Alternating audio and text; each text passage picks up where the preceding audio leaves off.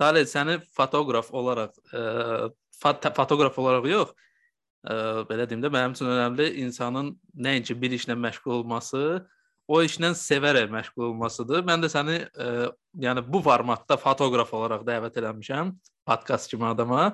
Ə, amma biz bizim söhbətə başlamamışdan qabaq sənə qısa bir vaxt verirəm ki, bu qısa müddət ərzində ə, səni ümumiyyətlə tanımayan adamlara özün haqqında məlumat ver.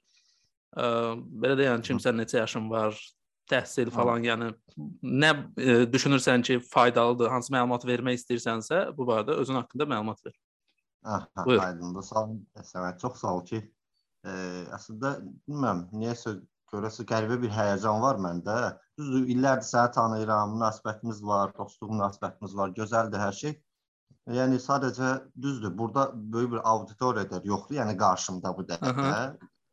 Amma yenə də nə bilim səninlə belə bir e, e, görüntülü e, müsahibə deməyək. Nu sənin bu verilişə qatılmaq necə də həyəcanlı yaratdısa məndə, həqiqətən nə bilim qəribə gəldi.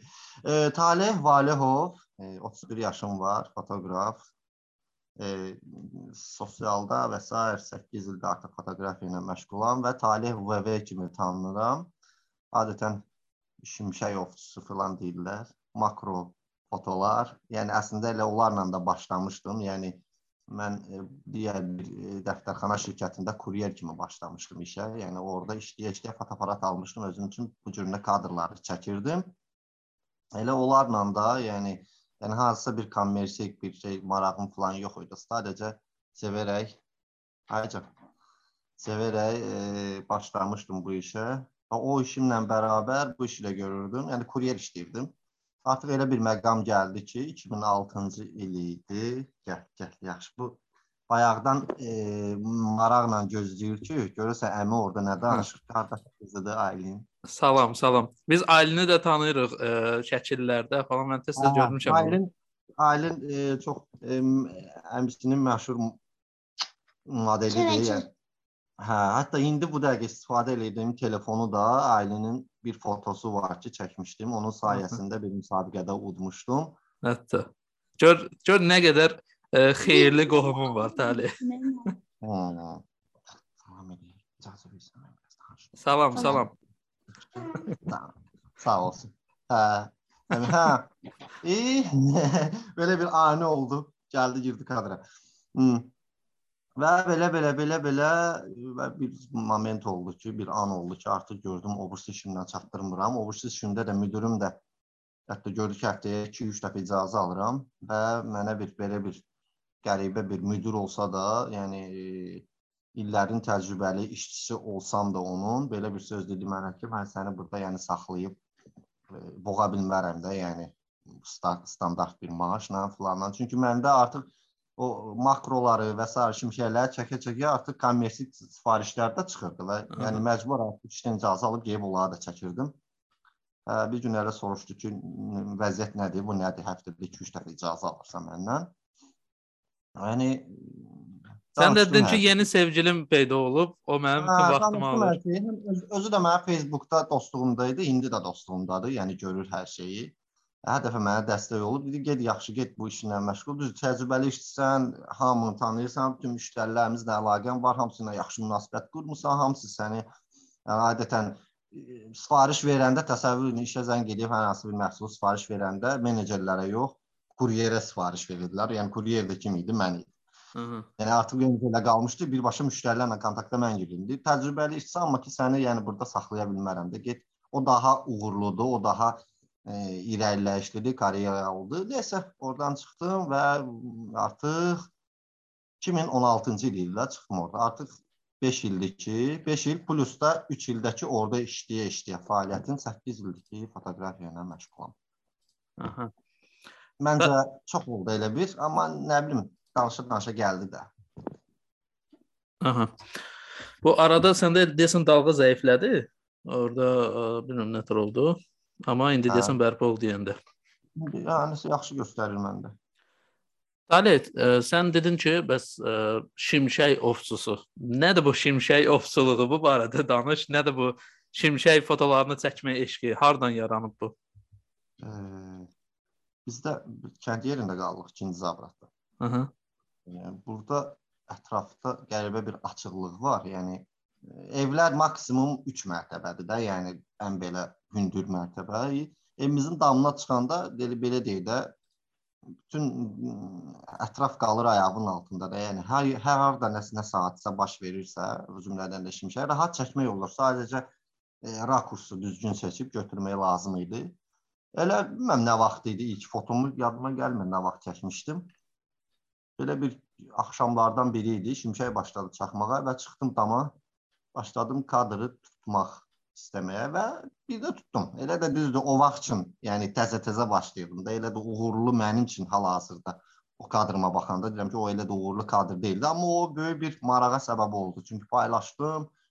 Nə bilim, e, yenə də deyənlər oldu ki, "A, bunu proqram da elə, proqramla da eləmək olur və s. amma o proqram var elə bir şey. Yəni o standart bir işarəni verir. Şimşəyin standart bir işarəsi var ki, onu verir.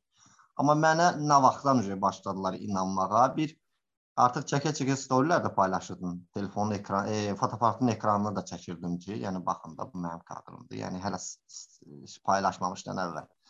Plus da yəni şimşək indi həmişə eyni belə fərqli şimşəklər olur da hər dəfə. Hə, görüntüdə olmur deyə artıq hə gördülər ki, yox bu həqiqətən də çəkilmiş. İlk fotodan sonra hə başladım elə haçan şimşək olurdu. Artıq Yəni son 2-3 ildə nə vaxt ki belə bir hadisə olur, artıq direkt dağılır da. Yəni hamı foto gözləyir ki, Talih Şimşək.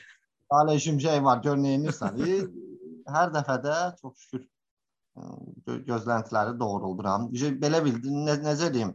Artıq e, ətrafda, dostlanış içində, izləyicilər içində artıq yəni konkret bir öhdəlik kimidir də, yəni. Bax sənə deyim ki, belə Mən ə, e, mən bəzən olur ki, ə, e, bizdə belə bir şey də olur axı. Bəzən fərz edək də ə, e, mən Binəqədi rayonunda qalıram. Yasamalda deyək ki, yağış yağanda ya qar yağanda bəzən bu tərəfdə yağmır da. Belə o, hə, daha hündürdədir deyə ə, Yasamal. Bəzən olur ki, mən açıram Facebooku ya Instagramı, görürəm ki, Talih şimşək çəkib paylaşır. Yəni göy gürüldür. Bilirəm ki, hə, şimşək çaxıb da, belə hardasa güclü şimşək olub. Talih də bu şəkil tutub momentin. Ya səndən hava proqnozunu öyrənmiş də oluram bəzən. Yəqin o hə. izləyicilərdə də bu cür olur. Ya bir də yağış. Yağışda da olur o məsələ. Çoxu bina evində də yaşayanlar var. Bəzən deyirlər ki, haçan oldu biz bunu görmədik. Aha. Yəni Bakı təkcə bina evlərindən ibarət deyil də. Yəni indi insanlar var ki, biraz bu tərəfə gəlməyiblər. Bu Zabrat Maçdağa tərəflərə, Əmədəkana, Noxaniyə falan gəlməyiblər. Yəni elə bilirlər ki, elə Bakı binalardan ibarətdir. Yəni bina da necədir? Elə binalar var ki, məsəl üçün eyvana ancaq şərqə baxır da, yəni cənubdan, şimaldan, qərbdən xəbərləri yoxdur, yəni nə baş verir. Yəni bilirsiniz, elə bir uzaq kadr olur ki, məsəl üçün elə bir neçə ay əvvəl yay idi da, hə. Qubada şimşək çaxdı. Hı -hı. Mən baxdım, e, Instagramda paylaşırlar ki, Qubada güclü şimşək çaxdı da. E, mən çıxdım dama.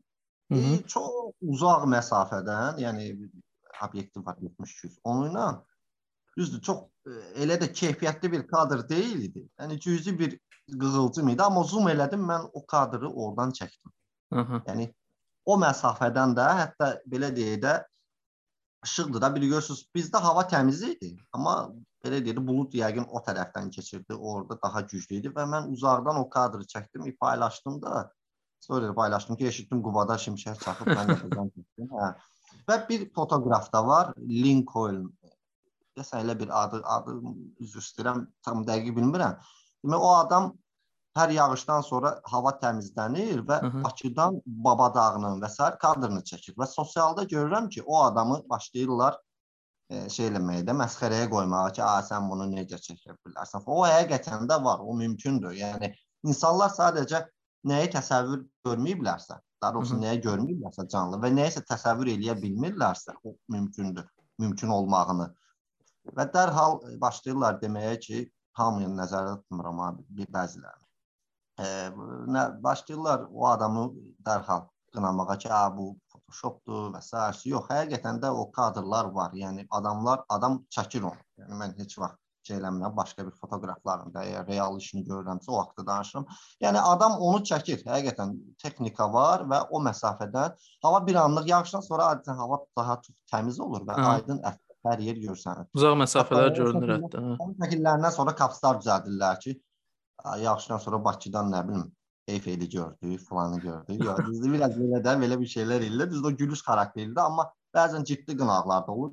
Qınamaq lazım deyil. Sadəcə bir dəfə o adama yazmaq lazımdır ki, qardaş, gəl bir dəfə elə bir şey olanda mənə də çağır, mənə də maraqlıdır ki, sən onu necə çəkirsən. Adam 100% onu göstərəcək. Çünki mən də şimşəyi çaxanda ə, bir neçə nəfər olub ki, istəyib yanımda olsun və o an e, yəni qınamayıb, qınamayıb da məni ki, yəni sən bunu necə çəkirsən ki, yəni mən necə ola bilər? Bunu 100% sən düzəldirsən necəsə. Mən həmin anda o, demişəm bunlar ki, istəyirsiniz gəlin belə bir şey olanda və bir iki nəfərə də demişdim, düzdür, həmin an gələ bilməmişdilər, görməmişdilər canlı necə. Amma şimşək kadrların bir çox kadrlarda var ki, yanımda hansısa bir dostum, tanışım olub və o canlı öz gözü ilə görüb ki, yəni adam o, o da əvvəl mənə inanmayıb, ha, yəni dostumdur, yaxınımdır, ol düzdür, amma yenə də inanmayıb ki, bunu həqiqətən sən tuta bilirsən. Çünki insanlar telefondan çəkirlər. Telefonla belə deyək də, çak çəkdim ki, da, yəni ani. Amma fotoaparatda bir rejim var ki, biz, biz fotoqraf niyə görə fotoqrafıq? Biz fotoaparatda elə şeylər var ki, onları bilirik və e, şimşəyi daha dəqiq, daha aydın və daha keyfiyyətli çəkməyin yollarını bilirik. Yəni bizə ona görə fotoqraf deyirlər. Və biz də o fotonu təhvil e, təhvil verəndə artıq izləyicilərə ki, baxın belə bir hadisə oldu. Dərhal qınamaq lazım deyil ki, a sən bunu necə çəkdin, biz niyə çəkə bilmirik? E, on, ondan əvvəl mühakimə etməmişdən əvvəl soruşmaq lazımdır ki, bunu necə elədin? Bəli, bu mühakimə etmək məsələsini ki deyirsən, bunu ə, e, belə deyək də müxtəlif mövzularda da məncə elə bu sənin dediyin məsələni tətbiq etmək olar, amma ə, e, mən nədən istəyirəm biraz danışasan? Sən dedin ki, 8 il və yaxud da ondan biraz artıq olar ki, fotoqrafiya ilə məşğulsan. Bu təxminən gəlir çıxır 2013-cü ilə Bəli. E, yanılmıramsa və burada mənim o vaxtı elədiyim müşahidələr yadıma düşür həmən il 2000 ə, e, ümumiyyətlə 12-13 yadımdadır ki, fotoaparat ə, e, bumu, fotoqraflıq bumu yaşanmışdı və ə, e, hər kəs ə, kimin əlində pul, pul olurdu ki, alırdı fotoaparat və ə, bir növ belə deyək də Bakıda söhbət Bakıdan gedir. Bakıda belə bir ənənə vardı. Hər dəfə bir şey dəbə düşür ki, ondan hə, hə fotoqraf olmaq dəbə düşmüşdü. Hə, yəni bir dəbə düşür, sonra fotoaparatla gəzəndə ə, daha olanlar daha cazibədar görünür qızlar üçün belə düşünürlər. Cəlb eləmək, hə. Sonra bir, bir ara belə bir şey çıxdı ki, məsələn itlə gəzmək, xaskilərlə gəzmək, Targovda o dəvə düşdü. Nə bilim, hər dəfə bir şey dəvə düşür də və bu ə, belə deyək, indiki vaxtda belə şeyləri görən adamlar demək istəyirəm ki, yəni ə, bu da keçər Yəni bu da keçəcək, narahat olmayın. Hər dəfə yeni bir şey gələcək. Yalnız Həmin fotoqraflar anı yaxşı. Həmin e, fotoqraflar yəqin ki, e, hardasa satış saytlarında hə, ya topa ya tapazdadır, ya hardasa satışdadır da. Bəli. Yəni insanlar elə bildilər ki, yəni biz bu fotoqraf olmaq üçün biz bu, bu bu yerə gəlib çatmaq üçün elə fotoaparatı alan kimi hamı bizim üstümüzə cummadı. Ya. O, Talevov, o sən biz Yəni bu illərin burada əməyi var, illərin əziyyəti Ali, var. Mən mən razıyam. Bax onu o, o barədə istəyirəm elə danışasan, amma hardan? Bax sən ə, e, belə deyə də bilmirəm, əvvəldə fotoaparat almısan, yoxsa telefonla çəkməyə başlamısan, sonra keçmisən ə, e, fotoaparata. Yəni, yəni sən nəyə görə dedin bu e, məsələni? O bum ki yaşandı. Yəni ondan nətər arındı? Nətər oldu ki, daimiyə keçdin və daimi olaraq bundan məşğul olmağa başladın və insanlar səni Talih VV olaraq tanıdı və Talih evə deyəndə ağlarına bir fotoqraf gəlməyə başladı. Bu proses barədə istəyirəm əvvəldən danışasan mərhələli şəkildə. Aydındır. Demək o əslində o bumdan danışım. O bum hardasa mən bir xatırlayıram, oldu 2006-2017-ci illərdə.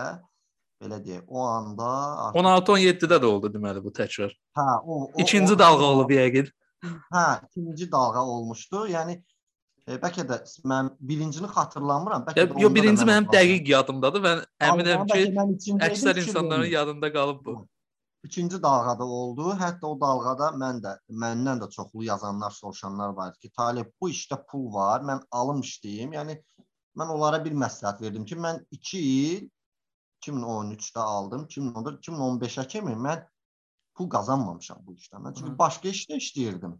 Və həmin bu bəhs etdiyim makro fotolardır, şimşəklərdir, sosial layihələrdir, o Kaska səməni neftçilərimizə həsr etdiyimdir. Sonra o yanan binadakı Fərəh balamıza o dünyasını dəyişdik o binada, onun xatirəsinə və orada dünyasını dəyişənlərin xatirələrinə çəkdiyim fotolar idi ki, hansı ki mən onlardan e, pul güdmürdüm də, sadəcə içdən gəlirdi. Yəni hərə bir şeylə yad eləyirdi də. İndi mən də fotoqrafam, məndə də Və bu şəkillər sosial şəbəkələrdə hər kəs tərəfindən paylaşılırdı. Belə deyək də o şeylər ki, qazanc naminə yox, içdən gəlirsə onlara eləyirdi. Mən gördüm ki, o şeylər bütün ə, böyük səhifələr Instagramda, Facebookda hamı paylaşırdı. Hə. Hətta bir ara yadımdadır ki, bəzi şəkillərində sənin ə, deyəsən kəsirdilər şəkli, o Talih VV ki yazırdı onun üstünə, o görünmürdü. O problem də yaşanırdı bir ara. Müəllif hüquqları, hə, biraz hə. belə qısqanclıqla yəni. İlk mənim ilk fotomu da indi bir mövzunu qoyub o bursuna keçirik. Mənim ilk e, gündəm olan fotomun da başına oyunlar gəldi. Nəsə, indi onu danışacağam. Aha. Aydın bu həmin o, hə, layihələr. İnkişaf mərhələlərini. O Fərəhin ruhu fotosunu ümumiyyətlə, yəni e, idmançılar, aktyorlar, sonra sənət adamları, blogerlər və s. həmin o günü elə ki 1 illiyi idi artıq həmin hadisənin 2016-cı ilin mayın 19-u səhəri. 2015 e, 2000 həmin mayın 18-i axşamdan mən paylaşdım o fotonu. Və səhərə kimi artıq bir neçə səhifə paylaşdı və səhər açılandan sonra məhz həmin gündə 19 may günündə artıq e, bir çox məşhur aparıcılar, aktyorlar, sair idmançılar, blogerlər, müğənnilər, yəni həqiqətən böyük bir kütlə paylaşdı o fotonu və Çox sağ olsunlar ki, hamısı da müəllifi qeyd ediblər. Təsəvvür bu mənim öz Instagramı yeni açmışdım mən o il. Hı-hı. Mənim Instagramımın birdən-birə gündəm olmağına, birdən-birə öz həmin fotonun üstündə fikir versiniz mən bir Talih VV loqosunu yazmamışam. Orada mən sırf Instagram adını yazmışam. Bu söhbət hansı şəkildən gedir burada? Fərəhin ruhu. Aha binanın yanan binanın qabağında ruhdur. Hə. Əslində real qızdır. Yəni o adam real mən bir, bir həftə axtardım mən o tipajı. E, yenə də birini qoyub o birisine keçirəm. Təsəvvür edin ki, 7 dənə qız tapdım. O, o günə buruqsa, e, məsələni deyəndə adamlar çəkindilər məndən. Hə, başa düşdüm. O, o elə bir kadr. Düşər düşməzi olar, e, yanaşması hə, var da bizdə. Onda bir e, dostum var, futbolçudur e, Mehdi. O razı oldu öz bacısı qızını bu fotoya çəkməyə və mən ona məsələni bir də bundan da yox almaq üçün dedim ki, artıq hadisəyə 2 gün qalıb. Hı dönümünə 2 gün qalıb da. Yəni mən bir həftə də axtarıram bazda belə bir qızı, heç kim də razı olmur da. Və mən ona açıqladım ki, bəs belə bir şeydir ya. Yəni bir də sən də yox denən ümumiyyətlə çək. yəni utdan düşmüşdü. O çox normal qarşıladı. Deyir ki, Talib burada nə var ki, yəni kiminsə də hansısa bir məsəl üçün Xocalıya aid filmlər var, müəyyən bir faciələrə aid filmlər var ki, onda onlarda da adamlar çəkilməsinlər. Adam adekvat reaksiya verdi də. Hə, çox yəni şok oldum və dedim ki, olar biz çəkək. Adam özü maşını tapdı, özü gəldi məni evdən götürdü. Sanki tamamilə əks bir şey oldu da, yəni ki, yəni adam belə bir həvəslə orada da uşaq da maşallah çox e, emosional bir uşaq idi. Yəni hələ mənim yerində durmurdu da o Aysu. Aysun. Adı Aysun idi həmin qızın. E, getdik yenə həmin yerə, həmin binanın qabağına. Mən onu elə bir ki, orada Photoshop işi də var. Mən onu da qeyd etmişəm. Dostum var Zav. O işi də o görüb. Yəni foto real olaraq çəkilib və altda biraz fotonun üzərində iş gedib və o işi aparanın da adını qeyd eləmişdim Zaur Həşimov. Yəni belə bir o foto, hə, gündəm oldu və günü hər dəfədə, hər il dönümündə də o foto bu günə kimi, məsələn, keçən mayın 19-unda da yenə kütləvi sürətdə kütləvi paylaşılır. Yəni o foto ilə belə deyək, o hadisə yad edilir. O neçənci ilin fotosu oldu, Talib? 2016-cı ilin mayın 19-u payla. Mayın 18-i paylaşdım. Mayın 19-una kimi də artıq axşam çünki hadisə səhər olmuşdu artıq. Səhərdən hamı var. Düz mən yenə də onu hər hansı bir kütlənin, yenə bundan əvvəlki o neftçilər üçün çəkdiyim foto kimi, yəni sadəcə çəkim istədim çəkim mən də bir fotoqraf kimi, yəni bu hadisəyə öz reaksiyamı özü ifadə eləmə yolu kimi də belə deyim. Hə. Və çox böyük bir maraqla qarşılanmışdı. Eyni bu fotonu da elə hər şey qaydasındadır. Hə.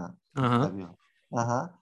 Fotoda elə bir şey. Mən e, bum bumdan danışım, bayaqki həmin o dediyin hə. o proses. Bəli, o prosesi mən yaşadım. Yəni İnsanlar çat deyirlər yaxşı da biz, biz onda necə eləyək ki, sənin kimi olaq da. Yəni mən deyirəm sən əgər bu işə bir necə bir şey ki sevmədinsə, o sənə uğur gətirir. Yəni sən o işə pul gözü ilə baxırsansa, yəni məsəl üçün fikir verirsiniz, olan bostanına daş atmıram sadəcə deyirəm. Restoranda fotoqrafları var, fikir verirsiniz. Yəni adamlar sadəcə standart tak tak tak tak çəkdilər bir neçə şey. -hı. Adamlar yəni qəşəng kadr, maraqlı ani xəbərsiz belə deyək də paparazzi bir möhtəşəm bir an, gözəl bir mimika tutmaq istəmirlər də. Yəni adamlar sadəcə gəlsin, şəkillərini çəksinlər, albomu versin, satsın, pulunu alsın. Yəni adamlar sırf onun üçün qazanc mənbəyi kimi baxırlar. Sadəcə. Hə. Amma mən burada, yəni mən adamları deyəndə ki, hə, yaxşı, mənim kimi olmazsan, okey. Mən 2 il pul qazanmadım. Sadəcə sosial layihələr elədim Bilim kimsə zorla çağırırdı ki, gəl bizim tədbiri çək, gedirdim. Ya orada ondan da pul almırdım. Gəl bir hörmətli eləyəcəm falan, gəl bizim uşağın məsələsi tədbiri çək. Yəni mən gəlib onu da almırdım. Yəni ki, mənə biraz qəribə gəlirdi ki, yox, mən kuryerəm, mən mal daşıyıram əlimdə. mən nə nə pul fotoqraf mən elə belə almışam, yəni. Artıq yenə deyirəm, o bir dönəm oldu ki, hansı ki 2016-nın axırında artıq müdirinizə gedib e, səs çatdı ki, bu talih həftədə 2-3 dəfə icazə aldı da, yəni bizdə. Nəyə görə? Və oradan çıxandan sonra qəribə bir boşluğa düşdüm. Yəni oraya məsəl üçün yəni belə deyə də olur ayda məsəl üçün 5 manat pul qazanırsan, amma bu stabil deyil. Amma bir də var ki, ayda 2 manat pul qazanırsan, amma bilirsən ki, bu daimidir də. Yəni Aha. hər ay sən bunu qazanırsan. Onda artıq planlama eləyə bilirsən də özünə. Onu planlama eləyirsən, amma qeyri-stabil 5 manatla baxmayaraq ki, o birisindən 2 dəfə çoxdur ya, Aha. amma yenə də düşürsən e, qəribə bir e, atmosferə də belə deyim. E, yəni o o işdən çıxandan sonra hə bir, bir həftə boşluğa düşdüm, yəni qaldım mən nə edeyim? Mən niyə çıxdım burdan da? Yəni nəyə görə belə bir şey oldu? və başladım nə etməyə. Artıq məsəl üçün əvvəl həmin o toyda, nişanda çəkdiyim şəkillərdən həftədə bir dəfə, ayda 2-3 dəfə paylaş. Artıq başladım onlardan bir gündən bir paylaşmağa. Çünki artıq Hı -hı. mənim həm sosial mövzulu fotolar çəkirdim, gündəlik hər hansısa bir hadisə baş verir və s. və onunla da arada da kommersiya Özü də hər də hər necə gəldi də foto paylaşmırdım. Həmin tədbirlərdən sırf maraqlı mimikalar, maraqlı anlar, hansı bir hadisə baş verirdisə, məsəl üçün toy çəkilişi vaxtı nəsə bir ani gözəl bir an oldu. Hə, o yəni onların da hətta maraqlılarını paylaşırdım və elə-elə yəni insanlar sadəcə məsələn hər şey tez olmağını, tez olunmağı da bir həzzi yoxdur, bir e, belə deyək də, əziyyət gərək olmalıdır. Yəni mən nə məsləhət verim? Yəni, İndi kimsə deyəcək ki, buna mazoxist yanaşmadır da, hökmən gərək hə. əziyyət olsun. Hə də elə olur da. Yəni heç kim mənim ta heç kim mənim ala qaşma, ala gözümə bu dəqiqə vurulub mənim hansısa bir çəkdiyim şəkli dərhal götürüb səhifələrində paylaşmırlar. Yəni mən bura gəlmək üçün illərlə, yəni birdən-birə fotoaparatı alan kimi Talib və olmursan da. Yəni tək mən yox, digər fotoqraflar da. Yəni Buyurun. Səməd, bu fotoaparatı sən... alsaz Taleh VV olacaqsınız. Bu birini hə, alsaz yəni, başqa bir şey. Hə, yəni tək məni, yəni öz özümün nəzərdə tutmam da digər fotoqraflarımda, yəni bəzən baxırlar, necə onun kimi çəkək falan. Yəni eləmək olar. Əslində elə amma birdən eləmək olmur da. Yəni hətta biri var mənə bir dəfə yazmışdı ki, bəs sən məni öyrət, mənim sənin kimi necə ki paylaşmırlar şəkilləri. Aha mənim şəkillərimi də elə paylaşsınlar səhifədə. Və yaxud atır ki, ala bunu da paylaşdır da o səhifələrdə. Deyirəm qardaşım mən birincisi paylaşdırmıram kiməsə. Paylaşdır. Hə, kiməsə atmıram ki, yəni ala bunu paylaş da. Yəni adam sadəcə izləyir məni. İllərdir sosial layihələr və s. və s. elə-eləyə artıq diqqətini cəlb eləmişəm. İndi mənim öz səhifəmdə izləyir və mən paylaşandan sonra gör, xoşuna gəlirsə götürür, yayımlayır. Yəni bu hamıda elədir. Yəni burada kiməsə sən məcbur deyə bilməzsən ki, mütləq mənim nəyimsə paylaş və yaxud da e, yəni bu bura kimi gəlmək üçünsə gəlmək üçün hə o bu nəyə görə olmuşdu? Hı -hı. Yəni foto, o, o anda mən və bir neçə fotoqraf var ki, Tural Hüseyn, İlxan Qəniyev, e, Məhərrəm Məcidov, e, sonra kimlər deyim? Ehtiram Cabi. E, Hər bundan da bir neçə belə deyək də, hə. sonra bunu davam eləyəcək ə, yaxşı fotoqraflar çıxır. Yəni bu olur, bundan bir 5-6 hə. nəfər çıxır ki, bunlar bu insanlar sonra Hı. davam edirlər hər hansısa bir yerdə fotoqraf sahəsinin. Aha, 2015-2016-cı illərdə bu adını çəkdiyim fotoqrafların belə deyək də sosialda e, belə deyək də partlayış elədiyi vaxtlar idi. Yəni bizim nə çəkirdisə, biz çox Instagram, Facebook səhifələri var idi ki, etiraf edirdilər ki, yəni bu fotoqraflar olmasa biz bilmərik nə paylaşaq da. Gündəlik biz bütün küçələrdə idik. Təsəvvürün Targovu falan, harda Bakıda nə maraqlı yerlər var. Material axtarırdınız? Hə, hə, material axtarırdıq. E, düzdür, münasibətimiz də var, dostluq münasibətimiz də var bir-birimizlə, amma ki bir növ bir yarış gedirdi. Rəqabət də var idi da bizim hə inkişaf etməyimizə çox böyük təsir. Yəni biz durub bir-birimizə demirdik ki, "A, sən pis çəkirsən, sən falan." Mənim nəsə problemim olanda elə ona zəng edir. Turala zəng edir. Tural səni ki, Tural mənim belə bir dərdim var. Bunu necə edeyim? Adam Bu arada yarışlar ya. Buradan Amma Tural Hüseynə də salam deyirik. Tural Hüseynə, hə. Amma adam mənə də, mən də indi bəzi momentlərdə indi adam elədiyini deməz əgər Turalla danışsam o deyər. Yəni mən də bir çox şeylərim olub, onun da mənə bir çox dəstəkləri olub və biz belə bir-birimizə dəstək ola-ola, yəni ə, həmin o Hə, bunlardan bu proseslərdən sonra artıq o kütlə görmüşdü ki, bu fotoqraflar partladılar da, yəni adamlar həqiqətən də yəni bir dənə fotoaparatı alıblar əllərinə, düşüblər küçəyə. Özdə o vaxtda belə bir şey də var idi, bayaq sən dedin mənə yazırdılar ki, Tale olar bir günlük fotoaparatı verəsən mənə. Şəkil zat çəkməyəcəm. Yox, sadəcə bir günlük verdim. Amma bunu yəni şəkil çəkməyəcəksən bunu nəyinsə. Bəs biraz çinimdən asıb Targovda gəzəcəm ki, görüm kimsə diqqət cəlb eləyirəm, qız zat görüm. Bu nə məntiq idi, bu nə fotoaparatla qız tutmaq istəyi. Yəni bu axırda bu nə ha nəyin beynidir də bu, yəni bu nə beyindir sən işlədin. Biz O, o şeydən sonra da indi bəzən olur da çəkilişdən çıxırsan, sumkaya qoymağa yorğun olsa, həvəs olmur, atırsan çeynivə gedirsən də. O o məsələdən sonra, o söhbətlərdən sonra artıq mən dərhal sumkama qoyurdum ki, yəni qıraqdan baxan elə bilməsin ki, mən bunu çıxmışam çeynimdə gəzdirirəm ki, Aha. yəni hansı bir məqsəd üçün də, yəni kimlənsə nə bilim Yəni bir insan fotoaparatla niyə qızın diqqətini cəlb eləsin ki, yəni bu fotoaparat çəkmək üçündür də, üzr istəyirəm. Həli bu belə şeylər hə, var idi həqiqətən. Mən nəyə çalışmaq istəyirəm? Və bu ə, fotoaparatla qız tutmaq istəyi var. Ə, belə bir şey də var da. Əvvəllər ə, daha çox sən gördün ki, hər hansısa tanınmış bir sima var və bu adam foto fotosessiya keçirir və onu saytlar paylaşır və yaxud da televiziyada o barədə nəsə reportaj hazırlayırlar.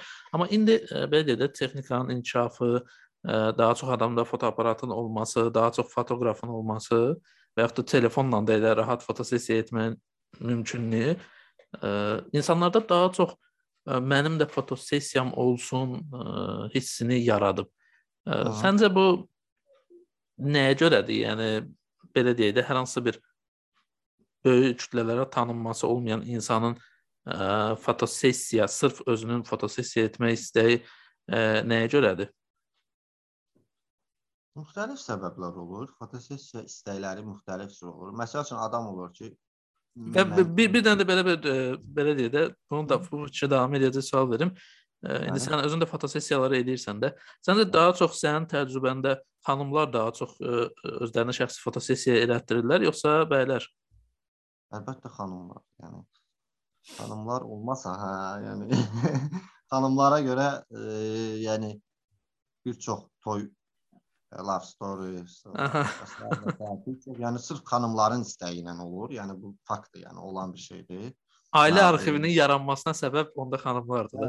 Yəni bəylər, yəni bir çəkilişlərdə də məsəl üçün hər 10 çəkilişdən birində görərsən ki, bəy biraz ürəyi ilə poz verir. Yəni fikir versə şəkillərdə çox vaxt.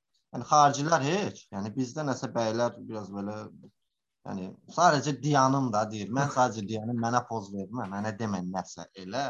Biraz da bizim işimiz o barədə də çətindir. Çünki ə, hələ mənə bir poz verdi, yaxşı bir Əsas ikisi də cütlüyü çəkirsənsə bir-birinə ahəng yaranmalıdır da. Yəni biri hər hansı bir mimikanı, hər hansı bir jest Tamamlamalıdır o biri. tamamlamalıdır, bəli, qarşılığını verməlidir. Yəni biraz bizdə elə biz adətən elə kadrlar məcbur çəkirik ki, yəni sırf orada bəyin soyuq bir reaksiyası olsun, xanım amma orada nəsə də. İndi belə bir şeylər fikirləşirik. Ondan əvvəlki deyirdin, e, unutdum onu, ona Hə, cavab vermək. Deyirəm ki, yəni e, bu nədəndir Hə, bu qaynaqlanır? Nə, nəyə görədir? İnsanlar müxtəlif məsəl üçün adam olub ki, deyib məni çək, amma mənim şəkillərimi öz səhifəndə də paylaş. Aha.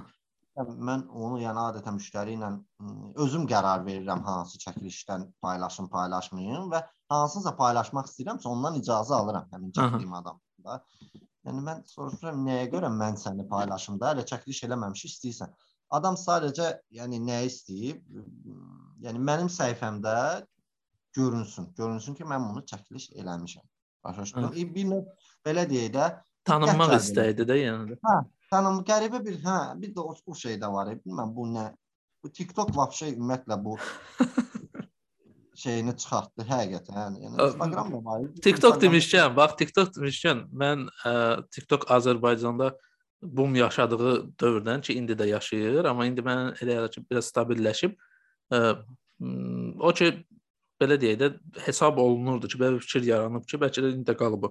TikTokda ancaq ə, keyfiyyətsiz kontent olur. Mənə elə gəlir ki, Azərbaycana gələn bütün ə, bum yaşayan sosial şəbəkələr bu mərhələni keçib. Düşünürəm ki, TikTok da indi o mərhələni keçir və yavaş-yavaş belə deyək də ora normal kontent yerləşdirən insanlar da artıq ora keçid edir. hə, Hə, ələydən keçir. Çünki birinci ə, belə keyfiyyətsiz nətər deyim, belə nə cür gəldi, olur. hə, yüngülvari də belə kontent olur. Sonra artıq başqa insanlar da keyfiyyətli kontent yaradanlar da ora keçir və o Və normal qəbul edilir. Yəni ha ha hi hi hə bir müddətə kimi olur da. Yəni Hə. ondan sonra insanlar doyur ondan. Yəni maraqlı bir şey istəyirlər. Yəni hər dəfə sən eyni şeyi eləyirsən. sən- Bilmirəm sənin yadında da yox. Yəni vaxt vardı ə, bu söz keçərli idi də. Yəni ə, və güya iki oğlan arasında danışır. Deyir, ə, yəni biri o birindən soruşur ki, ki nə cür qızdır? Deyir, ə, pis qız deyil, amma o qızın Facebookda profilini görüblər də belə. Yəni belə bir şey var. O vaxtda Facebookda qeydiyyatdan keçən adama, yəni bir qız Facebookda qeydiyyatdan keçir. Elə bir ki, əxlaqsız xanadır ora. Yəni orada qeydiyyatdan ya? keçir. Eee, ya qayıdaq çox uzağa yox, hələ bizim doğulduğumuz illərə, 90-lara. O vaxt eee, şalvar geyinən xanım görəndə Oh. reaksiyalar olurdu ki, yəni sən nədən, sən nə ilə Pankəs şalvar geyinir. Amma ha, amma bu dəqiqə, yəni o artıq normal bir şey. Şalvar o- geyinməyək. Hətta deyirlər ki, şalvar geyin, eee, biraz e, yəni e, hər hansı bir məsəl üçün küləkli havada bu paltar və ya nəsə geyinib problem olmağındansa, məsələn, Şalvar geyinir. Şalvar geyin o daha rahatdır da. Yəni hətta artıq düşüncə dəyişib. Yəni vaxtı ikən qəbul etmədiyimiz şeylər var idi ki, indi bu dəqiqə çox normaldır. Yəni 10 il əvvəl, 20 il əvvəl gəl. O 20 il əvvəl kiməsə desəydin ki, mən bir telefonla oturub e, səninlə burada belə danışacağam, ailən Aha. də gəlib belə baxacaq üzbəüz bizə. Deyirlər balaca bir cihazdan sən onu Aha. necə edərdin ki? Yəni o ola bilməzdi, mümkün. Amma bu dəqiqə biz onu eləyirik. Yəni. Hı. İşte bu neydi? Nə deyir? Bu nədir belə yerdə makarondur. Ola bu nədir belə? Hə, uşaqlar bax belədirlər də, yəni gəlib yavır edirlər, sən gedirlər. Hələ biz ümumiyyətlə, ə, ya uşaqlar elə uşaqdılar da, yəni biz ona görə belə şey normal qəbul Ona edirik. görə onlar uşaqlardır, səmimi safdır. Nədir? Odur.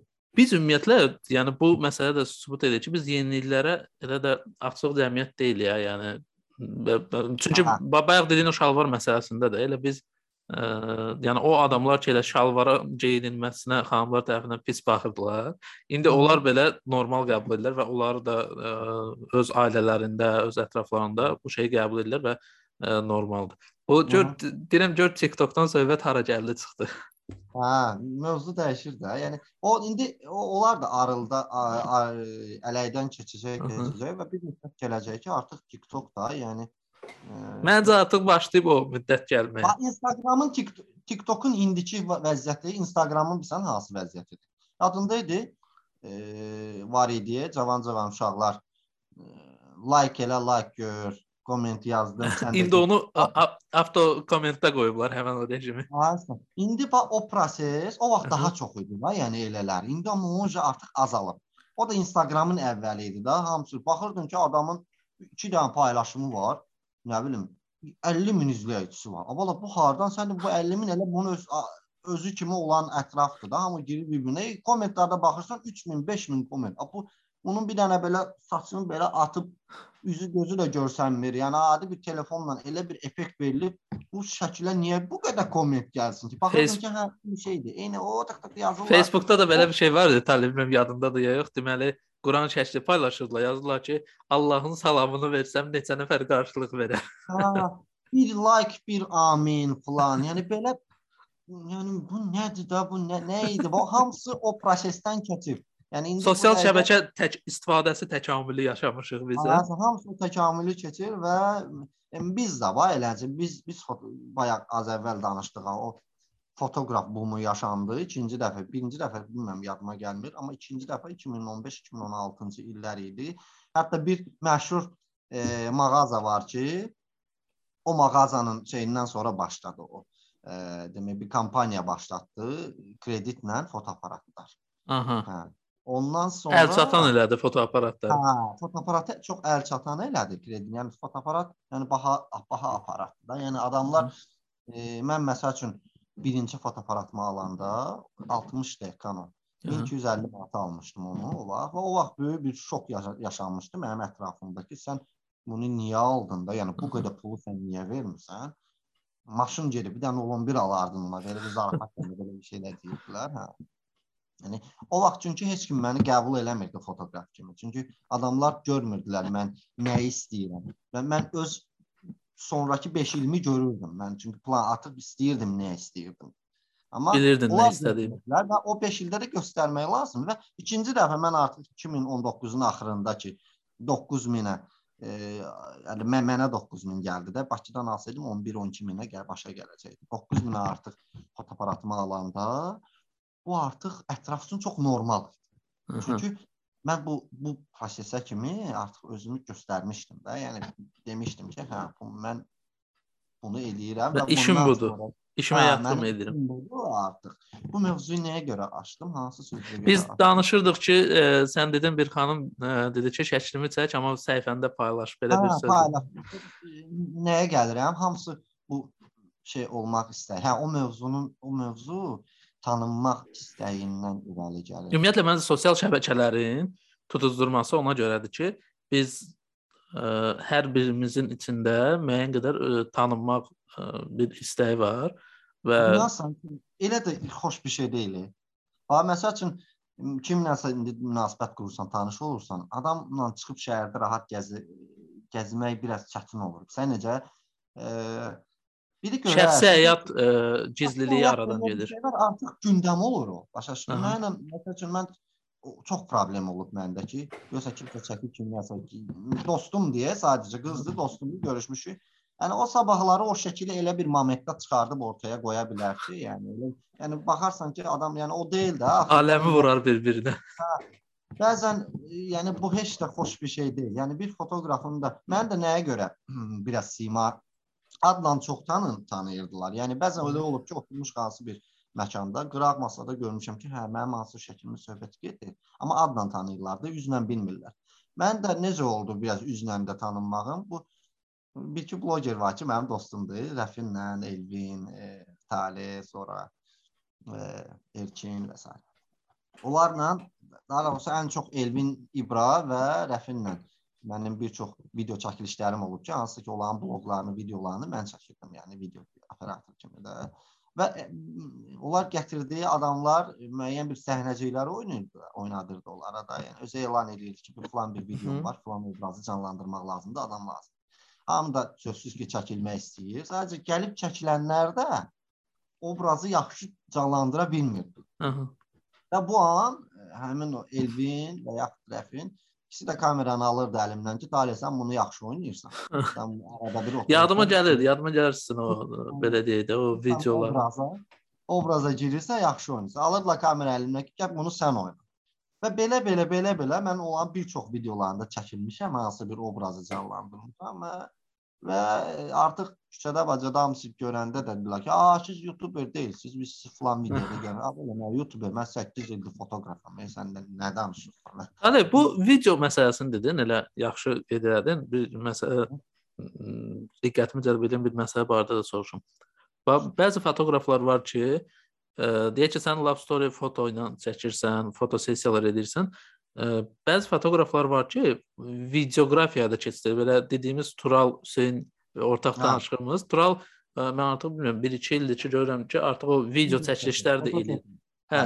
Ə, sənin buna münasibətin necədir və ə, sən niyə ona keçid eləmirsən, yoxsa sən düşünürsən ki, sən hekayəvi ancaq ə, foto vasitəsilə danışa danışmaq istəyirsən və yaxud da danışa bilərsən?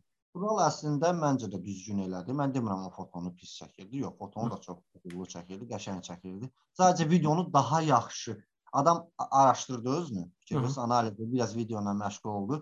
Adam gördü ki, bunu videonu fotodan daha yaxşı eləyir. Və məncə Hı. o düzgün addım atdı. Yəni indi videolarını görürsüz də yəqin ki, yəni, çox qəşəng, çox kreativ, çox maraqlı. Mən də bəlkə də bilmirəm, mən özümü videoda çox sınamaq istəmədim. Bəzi səbəblər də oldu buna. Hı. Ya açıq deyim də, birincisi düzdür artıq gecdi mənim üçün videoya keçməyə, foto. Video keçsəydim də mən gərək birinci montajı öyrənəydim, video montaj eləmək. Bir neçə dəfə eləmişəm. Bir neçə videom olub ki, özüm eləmişəm, qəşəng də alınıb. Sadəcə e, mənə görə biraz həm video, həm foto biraz çətin gələr. Düzdür, videolar çəkirəm. Yəni daha e, bəzi texnikalar var ki, video çəkiliş eləyəndə də soruşuram görüm nə cür bir şey istəyirlər. Yəni mənim video texnikamın e, bacardığı bir şey olacaq. Yəni mənə video texnikam hansı ki bəzi şeylər var ki, onlar da lazımdır. Yəni əlimdə olanlarla əgər əmələ gələcək bir şey istəyirlərsə, həmin onu çəkirəm. Yoxsa daha e, o Tural Hüseyn kimi artıq video kadrlar çəkirlərsə, mən artıq onu götürmürəm. Birbaşa yönləndirirəm. Belə bir adam var, Tural Hüseyn. Gedin o daha yaxşı çəkəcək də sizin məndən istədiyiniz video görüntüləri, video kadrları. Deməli, Talib, bir ə, elə bu söhbəti davam edərək bir məsələyə gətirmək istəyirəm. Bir ə, şair, eyni zamanda tərcüməsi və ə, esseyist olan bir bir adam var, Səlim Babulluoğlu. Ə, mən də telefonda baxdım ki, dəqiq bilimdə Səlim Babulluoğlu. Mən ə, bir dəfə ə, bir müəllimim tanış edib məni. Ə, Bir müəllimimin belə deyim də dostudur.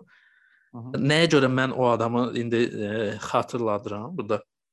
Səlim Babloğlu mənə bir kitab göstərdi. Bu arada özü də çox gözəl yazır. E, yəni məncə gözəl yazır da. Nəyə görə məncə deyirəm? Zövqlər məsələsi var. E, mən onun e, yazdığı bəzi qısa esseləri və yaxud da şeirlərə baxanda e, ümumiyyətlə bizim bəzi yazarların yazılarına baxanda məndə wow effekti yaradır ki, hə, nə yaxşı bizdə də var belə ə, ruhu azad belə deyim də uça bilən bu şeir yazı aləmində. Yəni var, bilirəm, hə, onsuz da var. Sadəcə o insanların sağ olub mənim onlara toxuna bilməyim, onlarla danışa bilməyim anlamında. Nəinki bizdə olmayıb, xaricdə olub. Yəni real olaraq onu görəndə adətən belə deyək də, tutaq ki, Mirzə Əkbər Sabirdən nəsə oxuyanda və yaxud da Cəlil Məmmədquluzadən nəsə oxuyanda, Nizamidən, Füzulidən, nə bilim Dostoyevskidən falan bu insanlar artıq yoxdur. Biz onları biraz da ə, fantaziyamızda canlandırırıq da belə maksimalist formada. Amma bir də var, sən ə, bir insanın nəyisə oxuyursan, onu görməmisən də. Tutaq ki, Səlim Babulluoğlu da məndə belə olub. Mən nəsə oxumuşam, mənə qədər tanış olmuşam. Sonra o insanla realda görüşmüşəm və o insanla danışmışam. Danışandan sonra yenə də nəsə oxumuşam. Plus bu insanla danışan ərəfədə o mənə nəsə göstərib, yenə bax falan şeydə var. Ə, sən bəzən fikirləşirsən ki, yəni sən başa düşürsən ki, bu insan sənin ölkəvin ədəbiyyatında tarixdə qalacaq. Bunun variantı yoxdur. Sən müəyyən qədər ə, o oxuyanda başa düşürsən ki, hə, bu qalacaq və amma başa düşən görəndə ki, sən bu insanla bu sağ olan vaxt ünsiyyətdəsən. Yəni belə fərz eləyək. Elə ki, mənim üçün o tip bir insanla ünsiyyətdə olmaq, elə sənlə də belə deyim ünsiyyətdə olmaq deyəcəm nəyə görə? Ə, tarixə toxunmaqdır. Çünki sən artıq ə, öncəki tarixə baxanda sən başa düşürsən ki, bu insanlar tarixdə qalacaq və onun ə, yaşatdığı sənə bir ə, belə deyək də xoşbəxtlik var ki, sən sağ ikən bu insanlarla ünsiyyətdə oldun və nəyə görə bu Səlim Babulluoğlunu xatırlatdım. Gərək əsas məsələdir. Deyir, sözün Mustafası nədir? O mənə bir kitab göstərdi. Mən xatırlamıram. O kitabda onun şeirləri idi, ya esseləri idi və yaxud da bir xaricinin, amma yadımdadır ki, fotolar dedi ki, mənə bir türk fotoqrafındır. Bir kitab buraxıblar. O kitabı bilmirəm, mən tapsam nə vaxtsa sənə istəyərdim göstərim. Deməli bir fotoqraf götürüb ə, fotolar çəkib və ya Səlim Babulluoğlunu, ya başqa bir ə, yazarın şeirlərin və esselerin şəkillərə uyğun yığıb. Yəni nətərdir? Ə, balaca bir kitabdır. Kitabın bir səhifəsi popnamə kimi də, nə kimi? o popnamə kimi də Müsabir yazıb, rəssam da onun şeirlərinə uyğun karikaturalar çəkib. Hə, bir cür o cür də demək olar. Bu kitabında var. Bir tərəfdə şeirdir, bir tərəfdə o şeiri canlandıran karikatura. mən belə deyim də o o formatda görməmişəm də. O- Ona görə Görmüşəm ki, karikaturalar var, amma Hı. məndə bir təzə e, bir variant var. Orada karikaturalar belə də çox deyil, azdır. Amma burada nətərdir? Bir səhifədə bir şəkil var və o esse və yaxud da şeir yazılıb burada. Yəni səhifədə başqa heç nə yoxdur da. Bəzən o bir neçə misradan ibarətdir. Aha. Çox gözəl bir şey yarandı. Yəni tutaq ki, hər hansısa Türkiyənin deyim bir kəndində hansısa bir yaşlı kişi oturub belə bir köhnə daxma kimi bir yerin qabağında ona uyğun, o atmosferi çatdıran bir şeir ona uyğun seçilib qoyulub burada. Və Çox möhtəşəm. Hə. adam sırf fotoqraf şeiri oxuyub sonra gedib o şeirə uyğun kadr tutmağa çalışıb, yoxsa o fotoqrafın əvvəlcədən o kadrları olub və müəllif də görüb ki, a, bu bu kadrı bu şeiri ilə məsəl üçün üst-üstə gəlir və onu şeirin fotosu kimi ora yerləşdirib. yanılmıramsa fotolar olub, sonra bu yazılarla tanış olub onları uzlaşdırıb, yanılmıramsa. Çünki belə deyək də mən onda Olur. mən onda kadrlar. Məsəl üçün hər hansı bir yağışda çətirlə gedən xanım və Hı -hı. yağış haqqında, yağış haqqında bir şeir olsa, hansısa bir xanımın yağışda islanmağı, yəni bir 5 bənd olsun, orada sadəcə bir bəndində o xanımın yağışda islanmağından, çəkilən yolda getməyindən bəhs olunsun və o foto artıq o şeirin fotosu ola bilir, yəni. Hər hansı bir fikir foto paylaşanda da altında yaxşı aid şeir yazır. Bir bəndində hə, o mənzərə var, qalan 4 bəndə artıq başqa məsələlərdir, amma yenə də o ondan tutur. Aha. Talib, mən indi çalışacağam bu bir neçə mövzunu bir-birinə bağlayım da. Məncə bunlar əlaqəlidir.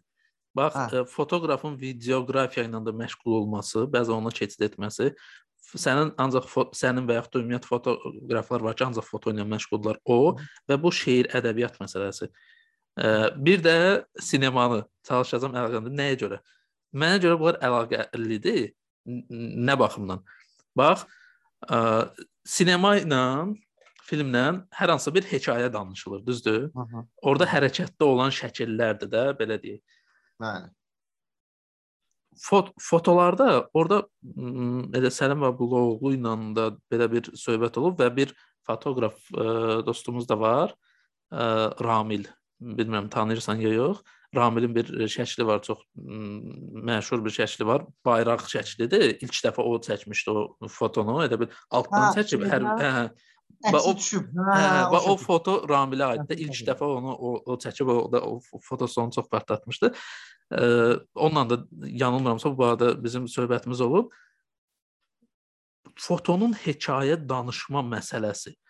Ə, deməli fotoda bəzi fotolar var ki, daha doğrusu foto ə, hə bir ə, Robert Rombaut adında da bir Hmm, rejissor vardı, dokumentalistdir daha çox adam, fotolar da çəkir. O 2019-da səhv eləmirəmsə gəlmişdi Bakıya. O bizə master klass keçdi 2 həftə, 2-3 həftə ərzində ə, müəyyən tapşırıqlar verirdi. Biz də qısa metrajlı filmlər çəkdik də Bakı mövzular mö- bir mövzu ətrafında. Onda nə Avropa Birliyinin nəsə bir tədbiri, nəsə belə bir şey.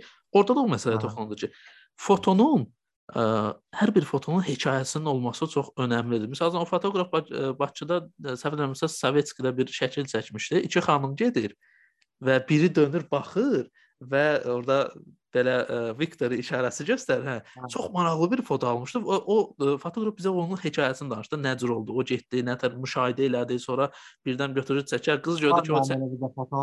Hə, qız gördü ki, çəkir, döndü, poz verdi, bu çəkdi. Fotoların hekayə danışmaq, ə, yəni hər bir fotonun bir hekayəsi varsa, yəni sən oturub onu hətta yaza bilərsən, Nəyə mi? görə O foto, hə, o onda o Nəyə görə o dirilir. fotoda göstərmir? Nəyə görə o fotoda öz hekayəsini danışmır məsəl üçün? Onu demək istəyirsən. Yəni nəyə Yox, yox. görə biz açıqlama yazırıq ona? Yo yo yo o- onu yox. Ə, mən nəyə görə biraz belə deyək də uzaqdan gəlirəm bəlkə də bu mövzuya. Yəni sənin sırf foto ilə və ya da başqa adamların sırf ancaq foto ilə məşğul olmasını da məncə bir ə, yəni bunu yenə də deyirəm fotodan videoqrafiyaya keçid edən və ya da həm foto həm video ilə məşğul olan insanları qınamaq ə, məqsədi ilə demirəm. Sadəcə Aha. düşünürəm ki, ə, deyək ki, rejissor əgər ə, öz hekayəsinin sinema ilə danışmağı ə, düzgün bilirsə, Yəni ola bilsin ki, fotoqraf sən görürsən ki, ancaq foto ilə sən bir ax, foto nədir? Bir anı sən Hı -hı. ə, əbədiləşdirirsən də bir növ. Əsas məqamı. Hə, əsas məqamımız deyək ki, bayaq dedi elə xanımlar daha çox toylardan bağlı fotosessiya. Bu Hı. bir arxivdir də. Yəni bu gün çəkilən hər hansısa mənim belə deyək də 11-ci sinifdə çəkdiyim telefonla hər hansısa video kadr indi çox dəyərlidir. Çünki onda 16 yaşım vardı, indi 30 yaşım var. Yəni 14-15 il keçib bu artıq zaman keçdikcə o aş ə, Hı. deyir adətən qalandan boyat alanda daha Hə. dadlı olur. Yəni bu Hə. zaman keçdikcə onun dəyəri artır. Nətər o Hə, köhnə hə. rəsm əsərləri var, onlar köhnədir deyə bəziləri daha da ildən ilə dəyər qazanır. Fotonun da belə bir ə, hekayə danışma ə, üsuludur da, bu da bir ə, tarix, arxiv. Mən nəyə görə deyirəm? Tutaq ki, səni tanımağım da bir ə, əhəmiyyətlidir. Çünki mən başa düşürəm ki, sənin Hə, ə, çəkdiyin şəkillər, yəni bir vaxt gələcək Taleh də olmayacaq, Səməd də olmayacaq. Amma bu fotolar qalacaq. Nətər ki biz 50-ci ildə Bakının nə Nizami kinoteatrının çəkilmiş şəklinə baxırıq, deyirəm, ora bax o vaxtda nə cür olub. Çünki- Arxitekturada dəyişiklik olub, insanlar fərqli geyinib, avtomobillər fərqli olub və sən tarixə səyahət edirsən və vaxt keçəcək biz olmayacağıq. Bu bunlar qalacaq. Baxmayaraq ki, indi düzdür, sosial şəbəkələri istifadə edənlər var, hamı nəsə çəkir. Amma o insanlar sadəcə çəkirlər də. Sən fotoqraf kimi bunu Bu dəqiqə e, gündəm olmaq, bu dəqiqə diqqətdə qalmaq da çətindir ya. Sən eşidirsən? Bax məsəl üçün material Hamısı. çoxdur deyəsən. Hə, i, belə deyək də, əvvəl məsəl üçün bir dənə fotoqraf var idi. Hansı bir küçədə sadə bir foto çəkirsə, o bu dəqiqə hə. Amma bu dəqiqə hamı çəkir və bu hamının içindən seçilib çıxmaq. Hamının içində diqqət cəlb eləmək. E, elə də asan iş deyil. Yəni bizim e, düz deyə zamana, məkana uyğun hərəkət edirsən həmişə. E, yəni mən çox sevinirəm ki, həqiqətən Düzdür, mən məqsədim heç də heç vaxt. Sən mən mən siz bilsən mən həmişə öz hisslərimi, öz emosiyalarımı, öz düşüncəmi fotolarımla göstərməyə çalışmışam. Yəni heç vaxt bunu çalışmamışam ki, eləyim və böyük bir kütlənin diqqətini cəlb eləyim və s. Sadəcə belə deyək də o vaxt Facebookda 93 nəfər dostluğumda adam var idi, yəni bu şəkilləri çəkəndə təzə-təzə başlayanda. Mən belə deyək də rəhmətli Hüseyn Dərya kimi onun bir sözü var, deyir, axşam yatdım səhər durdım gördüm məşhuram. Düzdür, məndə tərsi nə oldu? Səhər çəkdim bir foto var. Bir, axşam oldu, mən gördüm ki, ha bütün ölkə paylaşdı. O metoda tıxac məsələsi idi də səhv eləmirəmsə. foto necə partladısa. Orda o sənin müəllif hüquqların dəqiq yadımdadır ki, pozulmuşdu. dəhşət oldu. Yəni çox fotosudur və o, o günü mən özümə söz verdim. Yəni hər bir negativ e, biz adətən qorxuruq şeylərdən. Neqativlərdən qorxmaq lazım deyil. Neqativlər bizi irəli aparır, Səməd. Bizi həmişə uğura aparır. Bax, o fotodan sonra mən dedim özümə söz verdim ki, vaxt gələcək ki, mən indi o, o beyində elə bir şey demişdim. Mən demişdim ki, vaxt gələcək mən çox məşhur fotoqraf olacağam mən o yenidən paylaşıb bütün kütləyə göstərəcəm ki, bu şəkli mən çəkmişdim də. Sən onu özə deyəsən telefonla çəkmişdin. Yox, fotoaparatla. Fotoaparatla çəkmişdin, hə? Təsəvvür metronun içi şəkil çəkmək olmaz. Doğru metronun içində şəkil çəkməyə icazə vermirlər. Sən hansı anda onu çəkdin? Sumkanın içində idi. Mən onda bel, bel, bel sumkam deyildi. Belə çiynindən Hə. asırdım, balaca bir sumka. idi. Mən orada rejimi hansı qurdum Aha. o şeylə. Biləkanla düşəndə çıxartdım belə çık iki dənə çəkdim, tez qoydum sumka. Sağda orada baxırdılar, bir-bir yoxlayırlar ki, çəkməsinlər də. Çünki olmaz axı belə bir kadr. Amma yenə də çəkdim. Gəldim işə, həmin o birinci işlədiyim Aha. işdə 13-cü ilin 19 dekabr idi. Artıq 5 aydır foto fotoaparatı almışam və heç nə tutuzdurmamışam da yəni. Orada iş qızda e, işte biz qarşılıq işte bir qız vardı Aysel. İndi ki bir dostluğumdadır. Ya, o həmişə deyir ki, Talib, bax, mənə görə sən məşhur oldun ha. Mən icazə verməsəydim, sən buradakı heç kimin. O həmişə mənə bu sözü deyir. Onun Gəldim, nə mən cür yalvardım. qatqısı olmuşdu bu işə? Hə, gəldim yalvardım buna ki, Aysel başladım, qurban bir dənə dur, mən sənin kom te- kompüterindən, mən vaxt kuryer elində Aha. kompüterim yox idi. Bu da bizim şöbə şöbə müdirinin müavini idi. Başladım qurban, mən dənə dur mən şəkil var, onu paylaşım. Sonra o platformda çıxım sənin Facebookundan, öz Facebookuma girdim. Hmm, yaxşı gəl belə bir şeylər. Ağız burun əyəyə, hə. Biz oturdum, paylaşdım. Bakı metrosu bu səhər saat 08:30 Aysel bu Qatarlı. videonu like etdi. Hə, qatarların 15 dəqiqə gecikməsinə görə, e, 11 dəqiqə gecikməsinə görə tabloda baxdım 11 Hı hı. dəqiqə gecikmə. Məsələn cəmaət doldu səhər-səhər çaspik vaxtıda. E, 11 dəqiqə keçib cəmaət platformaya dolub, qatarın biri gəldi, qapıları açıldı, nə cəmaət düşə bilir, nə minə bilir. İkinci qatar gələn momentdə də mən çəkmişdim. O şəkildə. hansı metro stansiyası idi? Koroğlu. O mənim bir qrup yoldaşım var tani. Adam deyir ki, deyir, deməli o Koro o tərəfdən binadan gəlir də. Deyir ki, e, tutaq ki biz yaz- yazıram ki, hardasan? Deyir ki, gəlirəm Koroğludayam. 9 milyon adam var burada. Aha, düzdür. Yəni orası səhər 1 saniyə, 5 saniyə, 10 saniyə gecikmə olsun artıq təsir eləyir də, yəni orada. Orada qapıda keçiddən cəmaatı bir 10 saniyə saxla, artıq arxada dəhşət bir şey probka yarat. Nəsə bunu çəkdim, gəldim, yalvardım Asilə. Nəsə bu mənə icazə verdi, paylaşdım. E, O vaxtda Aha. sayt adı çəkmək olar da xəbər portalı. Məşhur xəbər portalı. Dinən üstünə siqnal qoyarıq. Yaxşı. Yaz xəbər portalı var idi. Mənim onlarla bir direktdə yazışmam olmuşdu. Aha. O vaxt bilet tutmuşduq olan bir yarışında. Mən yazıb o bileti götürmüşdüm. Hə. Xalam qızı udmuşdu o bileti. O, za- o utanırdı onlara yazmağa ki, mən onlara bir sual vermişdilər, müsabiqə o bilet tutmuşdu konsertə. Nəysə, mən o, Hə. onlarla yazmam olmuşdu, qalmışdı. Aha. Eləmə tənbəllik, o, o şeyi də, şəkili də mesaj mesajla olan şey Messenger-nə atdım və açıqlamağı da yazdım. Bir çıxdım. Məndə də o vaxt telefon N8 idi, Nokia. Yəni bütün günü Facebooka girmirdim də, ancaq axşam evə gələndə kompüterdən girirdim. Yəni o vaxt Facebook mənim elə də önəmli bir şey deyil. Axşam gəldim, Facebooka girdim və Səməd o vaxt mənim üçün yəni şok olacaq bir hadisə baş verdi. Dostluğunda Yəni- 93 nəfər olan bir adam üçün. Hə.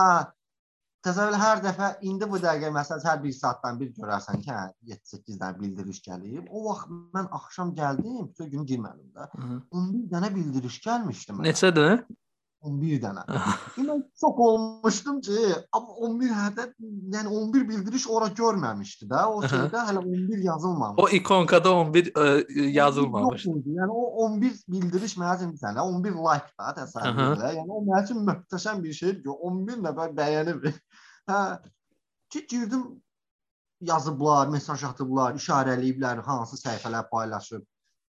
Bir fotostudiya var idi, indi ora bağlıdır, danışa bilərik rahat.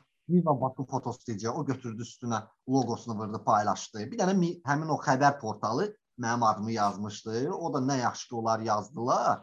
O link hələ də qalır məndə. Hı hı. Mən onunla sonradan sübut eləyə bildim də, yəni bu şəkili mən çəkmişəm. Çünki onlar müəllifi yazmışlar. Bir də mən paylaşmışdım. O zaman vaxtı var da kim birinci paylaşıbsa, yəni foto Hı hı. məndəsə birinci mən paylaşmalıyam da. O zaman fərqi ilə, saat fərqi ilə mən göstərə bilirdim, sübut eləyə bilirdim. Nəysə, baxıram hamı paylaşır, hamı üstünə loqonu vurub yazıram ki, bəs başladım mənə yazında, mən mən paylaşmışam.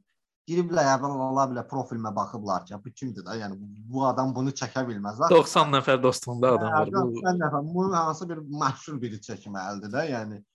Heç kim mənə vecini almadı da, başa düşdün Səməd. Yəni hamısı dedi ki, "Hə, yer get da yana da imkan verişimizi görək." Allah bilə kimdir indi gəlib öz məşhur olsun deyə adını yalandan yazır. Nəsə yalvar, ona buna yalvar, heç kim şey eləmir. E, 2017-ci il idi.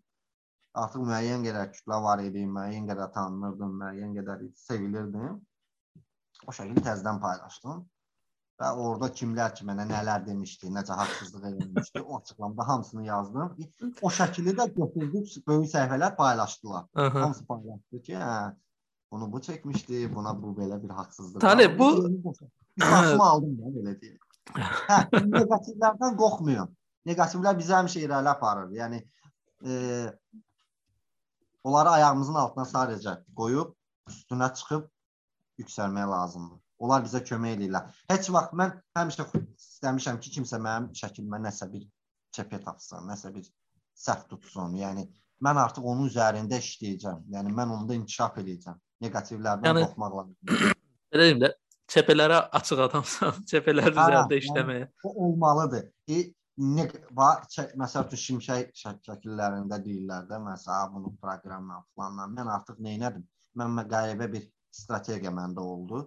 Şəkil çəkməmişdən əvvəl video da çəkiliş edirdim. Hə, ki, ki bunu çəkirəm, baxın. Hə, sonra da o şəkili ekrana gətirirəm. Yəni bir neçə dəfə paylaşmışam. Onlar çox Mhm. baxış sayı çox güclü olur onlara, o cür şeylərə. Əvvəlcə prosesi çəkirsən, sonra da axır sonda Bir çəkdiyin də sənin o ə, su əkslərində çəkdiyin şəkillər də məncə şimşəkdən geri qalmır. Şəxsən mənim üçün onlar daha ə, şimşəkdən daha maraqlı gəlir, Maraqlı bilmirəm. gəlir Hə, çünki hə. onların ə, onlarda bir allatmaca var da. Sən sən şəklə baxırsan, onu qəbul edirsən, sonra başlığa baxırsan ki, talih yazıb ki, indi isə əksinə baxın. Və sən telefonu hə. çevirirsən, baxırsan hə, bu İnsanlara əksdir. maraqlı gəlir bunlar. Çünki heç kim yerə uzanıb suyun əksindən baxmır axı şəhərə. Yəni heç kim onu fikir vermir. Mən həmişə şəhərdə zətdə yağışda yağanda belə ba- başım var belədir ya. da fərqli bucaq altından görməyə çalışırsan ki, Hə, maraqlı hə. kadr çəkəsən. gözəl bir şey. Plus da arxada da nəsə olsa, fontan olsa, ya nəsə bir hadisə baş versə, səmada buludlar məsəl üçün qəşəng düzülsə, və ya günəşin batması olsa və həmin anda da olur da yağışdan sonra bir anlıq hava açılır, e, günəş batır, yerdə də su, yağış. Onu süni də eləmək olar, e, yəni su töküb də eləmək olar, amma yağışdan sonra onu çəkmək daha maraqlıdır. da. Sən niyə?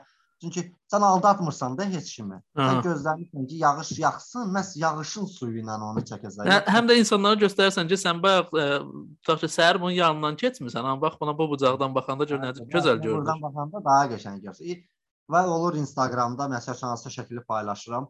E, hansı izləyici götürür onu ekrana fotosu eləyir Hə. və atır ki, Talib bax, ekranda gör nə qəşəng qalır. Mən onu götürüb story paylaşıram ki, e, dostlar biz belə bir şey izləyici göndərib ekrana yaxşı yaraşırmış. Hə, bir oradan kimsə yazdı ki, hə onu bir dənə at mənə. Mən at onu linkə. At belə belə belə belə. Məsələn bir dəfə olmuşdu 78 nəfərin telefon ekranına e, Instagramda story-də var. Orada 78 telefon, bir də sarı yarpaq şəkli var. Aha. 78 nəfər məsəl onu götürdü, qoydu öz telefon ekranına. E, mən də onların hamısını skrin edib story-də paylaşırdım. Sonra suallı suallı fotolar xatırlayırsan da karantin. Hə. Amma Talib bu ə, ə, bilirsən nə istəyirəm, nə soruşum səndən. Bu deyirsən ha ekrana qoyurlar. Ə, müəyyən saytlar var da, fotonu ora yükləyib sata bilirsən. Belə yoxlamısan, elirsən belə. Çünki sənin qəşəng orijinal fotoların var. Elə ekrana qoyulası o fotolar, ə, o ə, foto satışı saytlarında məncə yaxşı satıla bilər. Ondan da pul qazanmaq.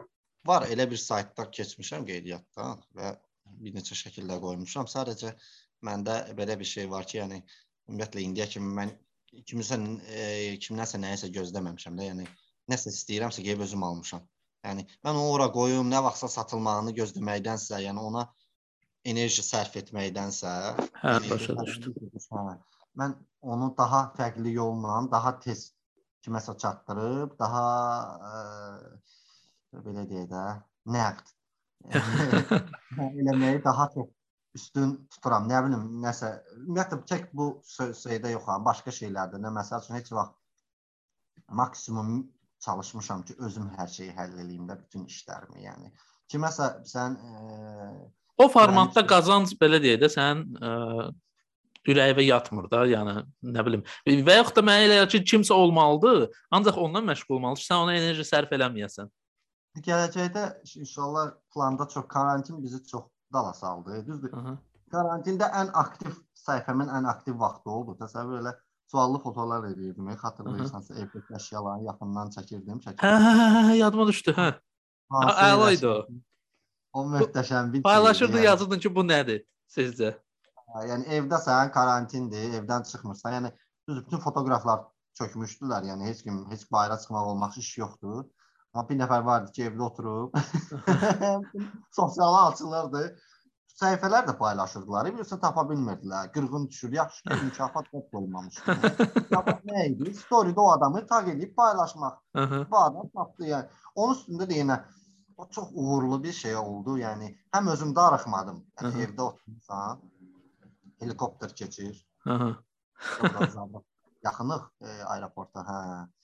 Binaya yox, Zabratın da aeroportu var, Hı hı. helikopterlər. Hı, onun səsi idi. Hə, e, elə elə elə elə o suallı fotolarla, hə.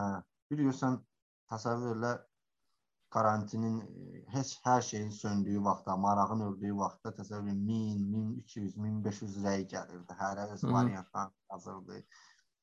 Tanışlar var idi ki, gəlib pul təklif edirlər. Onu Cavabı mənədir, nə? yaşda, hə, amma yenə də Nemes kimi Nemes də başa yəni bilirdim yox, ey, sən nə danışırsan? Bunu kimsə tapmalıdır da, real adam. Sən insanlar görməsin ki, Hə, onda daha maraqlı olur da. İyiliyi var da. Hə, biliyorsunuz gecədən səhərəcən yatmırdım. 5-10 nəfər vardı ki, ardıcıl rəy yazırdı. Mən birinci düzgün rəyi görməli idim, axı mən izləməli idim. Aha. Səhərəcən yatmırdım. Görürsən səhərdən gün ortaya kimi davam eləyirdi. Mən yenə də baxırdım ki, görüm bir nəfər kimsə düz deyər və mən onu Hı. görmərəm. Geridə qalar. Peşman olurdun aradakı, mən niyə bunu başladım? Elə bir mən məsələn elə bir əşyanı yaxından çəkirdim ki, artıq ona yaxın cavab verənlər də var idi. Məsələn 3 nəfər. Bir, nəfər də dəqiq cavab verir. Məsələn hər hansı bir məsələn stəkanın hər hansı bir yerini çəkmişəmsə, "Ha, bu stəkandır de, deməklə o düzgün cavab deyil. Stəkanın hansı yeridir? Stəkanın qulpudur da fərz edir. Hə, qulpunun falan yeridir məsələn. O da mən də əşyaları da elə seçirdim ki, hamının evində ol, çoxunun evində olsun da məsələn. Bəziləri var idi ki, hətta qınayırdılar ki, "Ha, ondan bizdə yoxdur." Məsələn, lampanın bir yerini çəkirdim. Bilən biz bağışlayın da bundan sonra lampa alıb gətirib verərəm ki, yox, bundan sonra nəyi çəksəm gətirib o əşyanı verərəm sizə ki, baxın ha, birdən bunu çəkə. Belə bir zarafatlar, davalar olurdu. Normal qarşılayanlar da olurdu. Maraqlı keçirdi. Bir də bilirsən istəyərdim nə barədə bizə danışasan. Bu xüsusilə fotosessiyalar çəkirsən cütlüklərlə və ya cütlüklərlə uşaq fotosessiyası istəyənlər olur bəzən. Yaxşı ki, onu onu vermədim. Qorxuram o sualdan. Yaxşı. Ə, bilmirəm hansı sual gözləyirdim. amma Qoy mən sualı deyim, onda bilərik, o deyir. Mən istəyirəm ki, sən bir ə, əgər yadda qalan bu fotosessiyalarda nəsə belə bir maraqlı bir hadisə olubsa, gülməli ola bilər, kədərli ola bilər. Nəsə belə bir had, ə, hekayə varsa, o barədə danışırsan bizə. Nə? Hə, çoxdur. O qədər mövzular var ki. Yadında qalan hansı olub ki, tutaq ki, falan fotosessiyadan nəsə belə bir ə, hadisə yadında qalıb və yaxud da hər hansı bir hekayə. Düz zaten bu sualı verəndə insanda bir ə, bu beyin donması baş verir ki, Yəni, Yəni- yəni o qədər şey olur ki, yada düşmür. hə. hə, qalırsan. Məsələn o deyirsən, bir də maraqlı lətifə danışa. O qədər lətifə bilirsən, amma o an bir Məsələn bir dəfə olmuşdu. E, toy çəkirəm. Bəy gəlib mənə çağırıb ki, gəl bizim toyu, bütün maraqlı məqamları, qonaqları çək də. Çox sağ olsunlar ki, hər dəfədə çox vaxtda bəygəl bəygəlin bu çağırılan, əlavə çağırılan fotoqrafın tərəfində olurlar. Və bir məclis çəkirəm. Məclisin ortasında bir cavan oğlan çəkdi mənə qırağa ki, sən mənim nişanlımı niyə çəkirsən? Qaldım belə ay Allah. Toydu da, nə bilim, o qədər adam var ki, nə bilim hansıdır. Mənə də deyirəm qardaş çəkirəm, e, düzdür, məni çağırıblar çəkməyə. Mənə buna görə pul verirlər ki, gəl çək. Yoxsa sənin nişanlın hansıdır ki, mən sən belə beynin çönüb də, yəni nəyə görə? Nəsə göstərdi, dedim, hə, bu xanım da gəlinin yanından təpənmir də, yəni. Hı. durdu ortağa, bu da gəlir yanında. Mən qardaşım, bax, başa dön. Mən bəygəlin çağırıb ki, gəl bizi çəkginən də. Xanım da onun yanında. Mən də ancaq bunları çəkən mənəm, ətrafı da biraz geniş kadrlar da var. Yəni mən sırf onu çəkmirəm ki, indi kadra düşür də. Ya siz xanıma deyin ki, əyləşsin, yəni düşməsin hı. kadra. Yox, bir o deyə bilmərəm, amma sən onu çək. ona ona ə, söz deyə bilmərəm, amma sənə deyə bilirəm. Çəkmə. Ha. Bir dəfə, iki dəfə, üç dəfə getdim bəygəlinə dedim. Dedim, bax mənim belə bir problemim var. Nə? Pa, çağırdılar onun yanına. Başa saldılar ki, arkadaş. Yəni ya sənsən?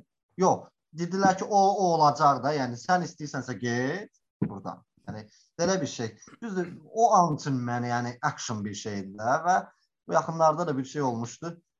E, demək indi biz restoran fotoqrafı deyilik də, yəni və restoran fotoqrafı olmayanda, ora əlavə fotoqraf kimi gələndə ə, bizə qarşı qəribə bir qısqanclıq olur. Söhbət yəni toylardan gedir də. Hə, restoranda, restoran rəhbərliyi. Düzdür, hamısı yox, bəs yəni hamısını demirəm. Prosta tez-tez olur belə hallar. Bu yaxınlarda elə bir hadisə olmuşdu. Məsələn, bizə yemək vermədilər. Biz də təsəvvür evi çəkmişik. Hı -hı.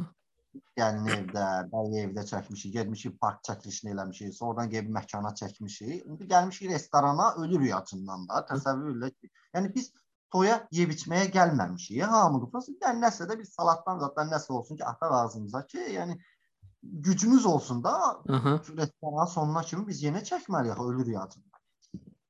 4 saat bizə yemək vermədilər restoran rəhbəri. Biz də özü də qonaqların yerində oturmuruq. Biz musiqiçilərin masası var da. Biz həmişə bizim yerimiz ora.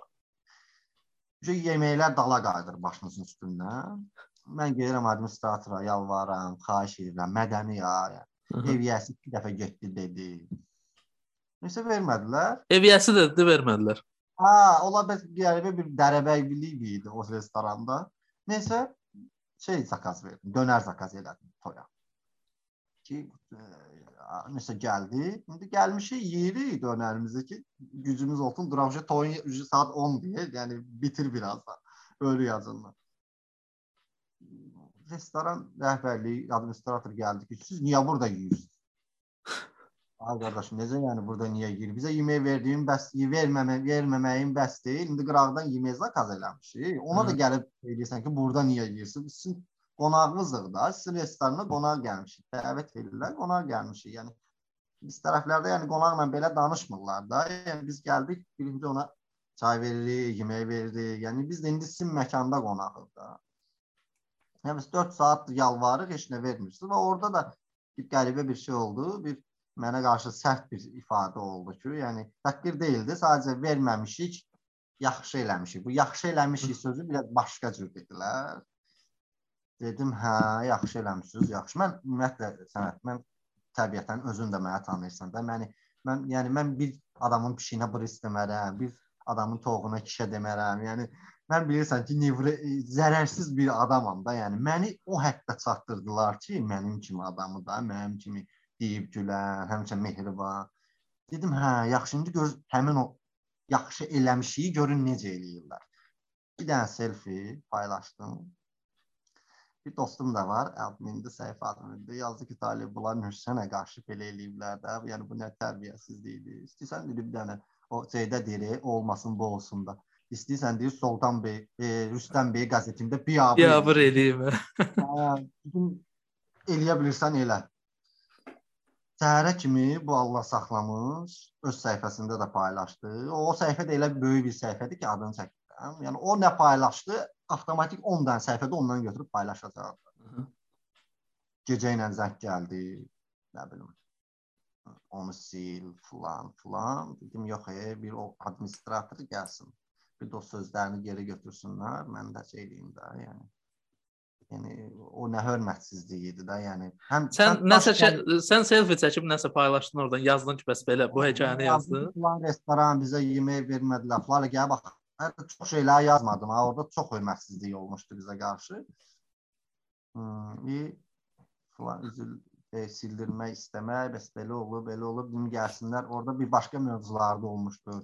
Bir nəfərə 4 nəfər mənlə otaqda biraz qırğın zadə elədilər. Onların öz otaqları var idi. Hə, qarşı e, istədilər şey eləsinlər məni, yəni olmadı da. Mən dedim, hə, yaxşı, o yaxşı eləmişik. Mən də bax belə elədim. Gəlsin üzr istəsin, mən də götürüm də onları geri alım. Yəni daş qayaya rast gəldi də, başa düşdün? Çoxunu eləmişdilər.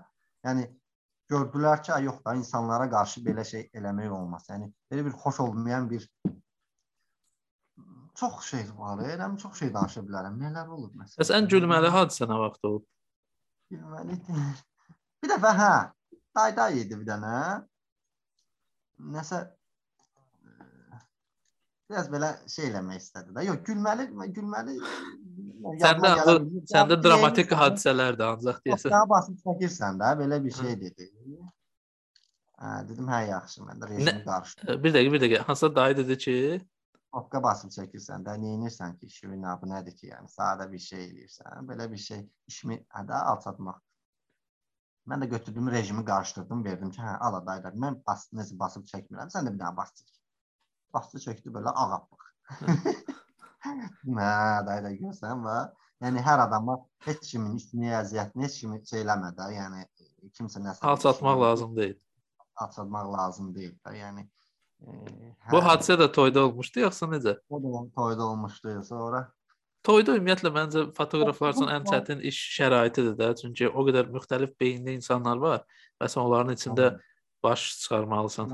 Yəni kütlə işləmək çox çətindir və hər adamla da gərək elə danışasan ki, cəbhə yaranmasın da, yəni e, hər cür adam var orada, hər cür. Yəni toy toy deyirik. Mənim qorxduğum sual sən nə idi? Nə? Sən Ver özün ver bu sualı. Nəyə görə son 5 həqiqətən qorxurdum o sualdan. Çünki çoxu deyir, deyir nəyə görə Instagramda, Facebookda formatı dəyişmirsən? Sən əvvəl sosial mövzulu fotolar paylaşırdın, indi ancaq toy nişan paylaşırsan. Aha. Sən Səməd, yaxşı cavab vermək istəyirdin ümumiyyətlə bu sualı? Ə, yox, belə bir sual ağlımda yox idi. Sən verdin, ona görə özün də cavab ver. Görürsən də Instagramda indi ancaq tədbirlərdən olan fotolardır, müəyyən tədbirlərdən. Sən Səməd, hə, okey, tanınırsan, əlasan, vəhşisən, bir nömrəsən, əjdahasan və s. və s. və s. qardaşım. Bunlar e, yəni heç kim gəl 5 manat vermir ona görə ki, sağ ol, sən bunu qəşəng çəkmişin şeyi əla çəkdin, alamın qoy cibinə. Aha. Plus da qəribə bir düşüncə yaranıb, qəribə bir şey var, davran, e, reaksiya var buna. A sən niyə ola çəkirsən, standart şeylər çəkirsən, toy, nişan paylaşırsan. Deyirəm yaxşı, o xoşuna gələn şeyləri paylaşanda hə və elə vaxt gəlib ki, həmin onu deyən adam sonradan mənə o bəyənmədiyi paylaşımlarıma görə mənə pul verib ki, gəl bizim də tədbirdə o cürünə mən sənin Instagramında bəyənmədiyim şəkillərdən paylaş. Çək. Aha. Adam bəyəndiyi şəkillərə görə heç nə vermirdi mən. Xoşu gəlir, kim şeydən, əksdən, nə bilim suallı fotolardan. Ona görə heç amma onları bəyənirdi. Amma qınadığı şey ki var ki, toy nişan fotoları ki var, onu nə vaxtsa məni çağırıb ki, gəl biz bizim də o vaxtıkən istədiyim şəkillər var deyə deyirdim bunlardan. Gəl indi onlara görə sənə pul verirəm, amma çəkdimən də mənim tədbirimi və s. Yəni olmur da başqa dön. Yəni bir müddətdən sonra anlayırsan ki, yəni hər şey elə bir nömrə olmaqla, nə bilim, məşhur olmaqla bitmir yəni. Mənim sənin son belə deyim də ən çox xoşuma gələn şəklin bu bu günlərdə paylaşmışdın. Deyən 2012-dən 21-də 3 il aralığından çəkdiyin şəkillər var. Bir-bir nəvələrindən və indi bu dəqiqə o şəklə yenə baxıram, burada yaxşı görünmür. Hə, Zeynəb və Tariyellə çəkmişəm onu. Bax bayaq deyirdim, arxivlənmə şəklin hekayəsi olması. Yəni O 2010 şəkil qalacaq. O Hə, o şəkil şə- gedəcək. Bu 2012, 15, 18 və 2021-in Taleh VV səhifəsinin mən səhifənin YouTube ə, kanalının altında sənin Instagramına keçid qoyacağam. Aha. Orada girib hamı şəkillərlə tanış ola bilər də, orada o şəkli də görə bilərlər. Baxırsan, maraqlıdır da, yəni sən 2012-də biz Talehin görürük, həmin uşaqları görürük və üstündən Eyni rakursda, eyni hə, uzaqlaşma. eyni formada, hə, form. 9 il keçib uşaqlar artıq böyüyüb də, yəni onlar artıq ə, yəni oğlana baxırsan, ə, Bəli, Tariyel və. Zeynəbə, Tariyelə baxırsan, Zeynəbə baxırsan, görürsən ki, yəni mən bilirəm ki, sən 3 il sonra yenə də çəkəcəksən, 3 il sonra yenə də çəkəcəksən və bu indi 4 şəkildə ekranda, sonra olacaq 6, 8, yəni sonra biz ki, Talih qocalıb, Allah uzun ömür ver, saqqal ağarır. Zeynəb gəlinlikdədir. Hə, o da- tutub, Hə, o da maraqlı olar, doğrudan. Yəni bu şəkillərin hə, hekayəsi var. Bu arxiv bu bu dəyər qazanmaq, şəklin gözəlliyi məncə bundadır. Ümumiyyətlə fotoqrafiyanın ə, o tarixi ötürmək. Biz olur bəzən ə, valideynlərimizin, ya nənələrimizin, babalarımızın şəkillərinə baxırıq. Nə vaxtsa çəkilib də ağ-qara şəkillər və yaxud da özümüzün uşaqlıq şəkilləri ki, o vaxt bir ə, fotostudiya aparırdılar, taxtanın qabağında otururdular. Yanında da bir dəvə olurdu. Travmam var. Mənim çox ağır travmam var uşaqlıq şey. Mənim ən balacılıq şəklim 4 yaşımda çəkilib. Aha. Nəyə görə? Mənim indiyə kimi mənim yadımdadır. Sən kiminsə şəklinə baxırdım, görürüm şəkildə donub qalıb da. Aha. Qəribə bir qorxu var idi məndə ki, sanki mənə kimsə çəksə mən də donub qalacağam şəkildə belə. Yəni daha yaşamayacağam da mən. Bir də qorxu nə vaxt yaranmışdı səndə? uşaqlıq bilmirəm, yəqin uşaq vaxtı mənə hansı şəkli göstəriblər. Aha. Baxmışam ki, adamlar niyə donub qalıblar da. A, demək mənə şəkillər, mən də şəkildə vəsə belə qalacam da, tərpənməyəcəm. Aa, mən ilk Yəni- dəfə deyib belə şey eşidirəm. Vaxt Yəni, ağlıma gəlməzdi. Hə, travmam var idi da. Yəni qorxurdum şəkil çək, kimsə mənim şəklimi çəksin də. Yəni necə yəni mən qalacam o orada, mən daha yaşamayacağam. Mən donub qalacam heykəl olsa. Yəni belə bir qəribə bir hə, şeyim var. Qorxu var idi. hə? 4 yaşımda çəkilib ən balacalıq şəklim və o da ağlayan yerdə. Anamdır, qardaşımdır. Bir də məni qucaqlayıb belə. Hə, o vaxtı belə idi. O vaxtı dərli idi. Aa, Hamı yığılıb qalırdı bir şəkildə. Mən belə ağlayıram. Bir qardaşım da yəqin anam da o moment qışqırıb mənim üstümə ki, gicdi anda belə hı. baxır kadra. Ağlamaq fasona. Qardaşım da belə anama baxır. Yəni 100% orada mama nəsə deyib mənə ki, bana baxır. Yəni sənin 1 yaşının şəkli yoxdur da. Yəni ilk şəklin 4. Ya, e, bir də 92-ci ildə mənim xalamın yoldaşının 35 illiyi idi. Orada video çəkildi. Hə, onu deyəcəkdi belə. Xalam gildə var. Yəni o video idi deyən, hə? Yəni oxumur. Ha, yəni bir var, a Diyanın çəkək, ha, bir də var ki, adam xarici çəkir də. Yəni bir dənə ən balacalıq kadrım, yəni orada da 2 yaşım var da. O videonu tapacağam istəyirəm bir gün tapım paylaşım Instagramda. Hə, maraqlı olar. O adətən. Uşaq vaxtı biz nə cür oluruq? Hansısa bir e, nişanda, toyda, hansısa yubileydə deyirlər ki, "Ə, dur bir dənə sən şeir dinən, sən də orada IPP-yi qaytarız bilirsən də fərz eləyək ki. Nənənin qucağındayam. Nənəm orada mənə yemək verir. Acımışam nəsə orada nəsə. Hə, sonra bir moment var, orada əlimi atıram masadan nəsə götürməyə. Qardaşım da ondan belə mənə baxır. Məsələn belə bir şey, maraqlı bir şeydir. Hə, ən balacalıq, hə, qəribə bir travma, o travması olan adam böyük fotoqraf. Başa düşdüm. Ə, Talih, deməli, belə deyim də, mən istəyirəm biz yavaş-yavaş yekunlaşdıraq və ə, müəyyən fikirlərimi istəyirəm bununla bağlı deyim ki, ə, mənə görə o biz danışdıq da, müxtəlif kimsə məşhur olmaq istəyir, kimsə istəyir ki, ə, səhifədə paylaşsınlar falan. Mən bir tərəfim bu şeyləri belə deyək də, kimsə fotoaparatla qız tutmaq istəyir, bir tərəfdən belə deyim bu şeyləri qınasam da, bir belə deyim də bir 50%-im belə şeyləri qınasa da, bir 50%-im də qınamır və bunu ə, normal qarşılayıram. Çünki belə deyim də məncə insan öz ə, çatışmazlıqları ilə birgə gözəldir və bir də düşünürəm ki, bütün bu şeylər ə, müvəqqəti olur da. Yəni bir yerdən sonra insan təkamül eləyir və çox az sayda insanlar məncə təkamül eləmir də. Yəni fərz eləyək də bir 8 il əvvəl fotoaparatla qız tutmaq istəyən adam ümid edirəm ki, indi artıq yenə də fotoaparatla qız tutmaq fikrində deyil və yaxud da xaski iti ilə ya nə bilim nə ilənsə də belə. Mən də olub ki, mənə Hə. qardaşıma bağışladılar. E, Mən ona şey paylaşımlar eləyəndən sonra dedilər ki, "A, sən də falan falan falan." Oldum lan, nə Sən də danışırsan? falan Ondan sonra falan falan. paylaşım eləmədim ki. Yəni cəmaət başqa şey başa düşür. Yəni o deyil Aha. axı mənim. Hə. Hə, bu ə, amma belə deyək də, mən mənə görə foto bir ə, sənət kimi mən görürəm onu. Təkcə o cür yox da ki, belə deyək, uşaq vaxtı biz gəlirdik Bakıya, Bakıda yaşamırdım deyə biz bulvarda o foto fotoqraf olurdu və sən bir şəkil çəkdirirdin o vaxtki bulvarda və o şəkildə sonra təkrar-təkrar baxırdın, deyirdin və xəyal edirdin ki, sən yenidən Bakıya gedəsən, yenidən üzr istəyirəm, yenidən ə, karuselə oturasan, orada nə bilim o ə, balaca lotkada oturub şəkil çəkdirəsən və o ə, onlar da əslində dəyərlidir. Çünki o onda hər kəsin şəkil çəkmə imkanı yox idi. O özündə bir informasiya daşıyır. Həmin vaxtı dondurub saxlayıb sən ona qayıdırsan.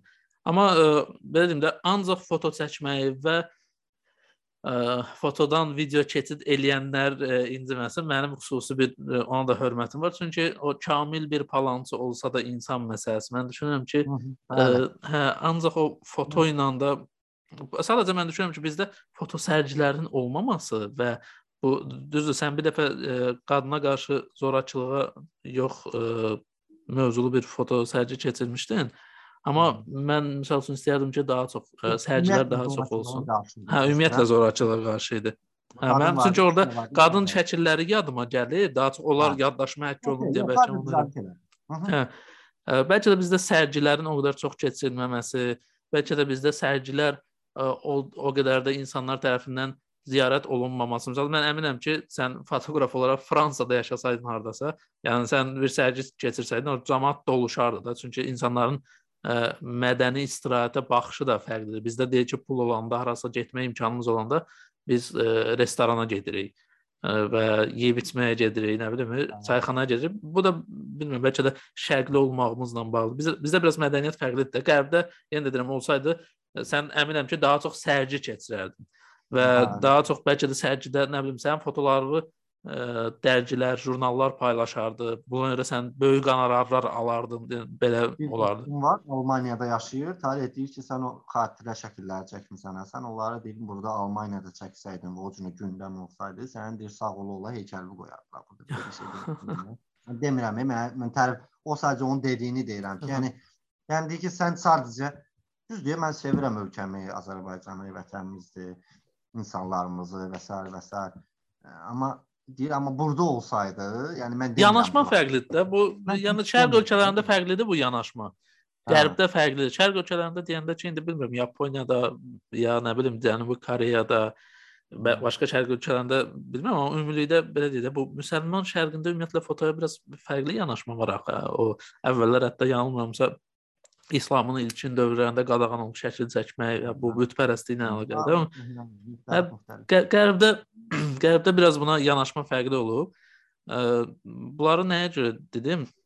Hə, bu yəni dəyər də, yəni mənə görə bu dəyərlidir. Və xüsusilə sən o deyirsən, 2 il mən bundan pul qazanmadım. Yəni o foto ki çəkirsən, yəni sən damın başına niyə soyuqda ildırım çağında çıx çıxsın da bir adam onun şəklini çəksin. Ya da yağış yağıb cəmaət yağışdan gizlənməyə yer axtaranda niyə bir nəfər getsin orada uzansın yerdən qəşəng kadr tutmaq üçün. Yəni bu bir İşə Nətər sevgi deyim? qatmalı. Yəni bir Sahibi. sevgi varsa bir şeydə, o elə bil e, yaşama haqqı qazanır. Hə. E, o bir diri diri e, dirilik suyu içir belə deyək də. O rusların nağıllarında olur həmişə və yaxud da Bir də sənə sonradan hər şey qazandırır, tanıdır da, pul da qazandırır.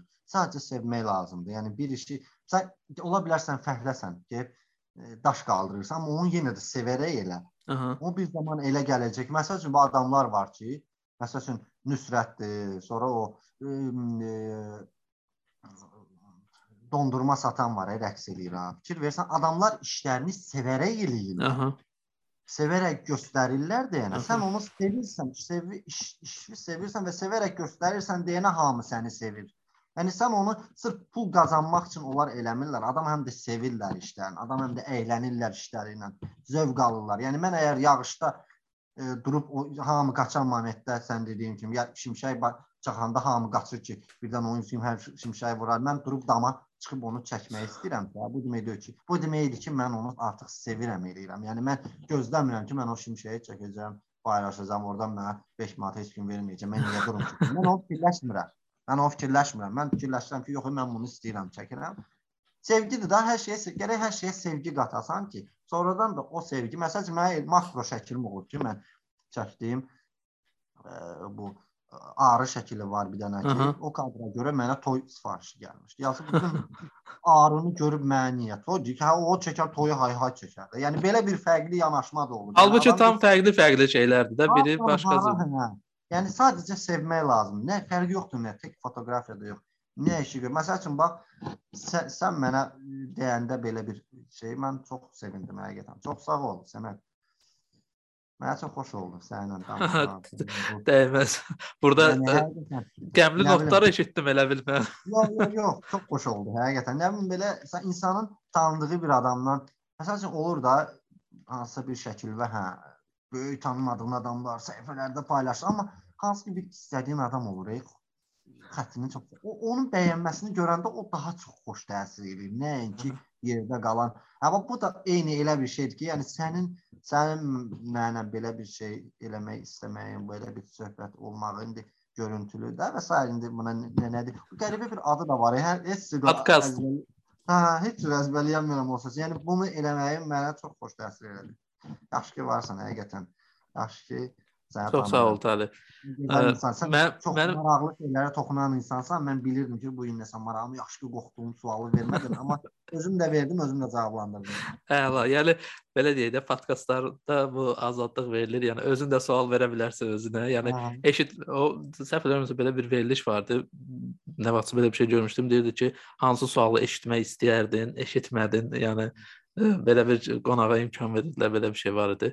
Mənim ə, yadıma gəlir ki, əvvəllər ə, bir neçə il əvvəl karantindən öncə biz film təqdimatlarında da tez-tez görüşürdük orada. Nəzirsə olurdu. Hə. Dönə talih burada. Mən gedirdim, yəni o da kinobaz layihəsi üçün nəsə hazırlamağa. Hə. Sən də fotolar çəkirdin. Hə, olurdu. Hətta bizim bir şəklimiz vardı deyəsən. Bayrağın rənglərində xurtkalar geyinmişdik. Səndə qırmızı, hə, hə, hə. E, Nicat e, Nicatda qırmızı idi, səndə yox, məndə mavi idi deyəsən, səndə də yaşıl, yaşıl səhv eləmirəmsə, hə, belə bir. hə, belə. Belə Talib, əgər son olaraq nəsə demək istəyin varsa, buyur. E, yəni yavaş-yavaş sona yaxınlaşdıq biz. Onları heç sevmirəm. Yəni son Hər bir son nəyəsə başlanğıcıdır, gəbələ yanlışam. Həqiqətən xoş oldu. Varol, çox sağ ol. E, xoş təsir elədi. Danışmaq istədiyim bir çox şeylər var idi ki, və bir çox şeylər var ki, onları özün toxundun. Yəni bilinir ki, həqiqətən də bazalı birisən və e, keçmişdən bu günə kimi gəldin. Xoş təsir elədi. Bir növ öz gözümün qabağından keçdi ki, yəni bir növ e, məni güzgü olduğunda mənə üçün göstərdin ki, Fatih Ali bunlardan keçmisən. Həyatın mərhələlərin, keçdiyin mərhələlərdən müəyyən qədər keçdi, hə? Hə, xoş təsir elədi. Mən də yekun olaraq demək istəyirəm ki, ə, bizim kanala abunə ola bilərsiniz ə, və bizi ə, Spotify-da hələ ki Azərbaycanda yox, xaricdən dinləyə bilirlər. Ə, amma Yandex Music-də və Google Podcast-da dinləyə bilərsiniz. Deyirlər həmişə. Aha. Paylaşımı bəyənin, o nəsə var orada, onu aktiv eləyin, bildirişləri nəsə belə bir şey. Ondan eləyin. Hə, ondan eləyin əgər istəsəz. Ə, e, nəyə görə? Çünki mən düşünürəm ki, insan bir şeyi bəyənsə onsuz da eləyəcək. Tutaq ki, mən bir şeyə baxıramsa, görürəmsə, hə, bu maraqlıdır. Ona ə, e, follow edirəm ki, yenisin, yenə də görüm də. Yəni maraqlı deyilsə niyə insanları məcbur edeyim? Yəni mən mənə maraqlıdır bunu eləmək, mən bunu eləyirəm. Hə, ola bilsin bu buraxılışda kimsə ə, abunə olmaq istəmir, amma sabah başqa bir mövzu ola, ona maraqlı ola. Həmin o mövzunu və oradakı yanaşmana görə deyək ki, hə, yox, mən bunu izləyim. Aynen. Gəl. Aha, Aylin sağollaşır bizdə. Sağollaşa. Aha. Gəl quzum. Gəl min balası gəl. Sağ ol. Sağ ol Aylin, sağ ol. Nə yaxşı kuklan var sənin. Səmət, ay Səmət, sağ ol. yaxşı. Mən düşünürəm ki, bu pozitiv notda da biz e, bizim bu bu dəfəki yayımı bitirə bilərik. Çox sağ ol Talə gəldiyinə görə. Aylin sən də çox sağ ol bizlə sağollaşdığına görə. Hələlik. Hələlik. Hələlik.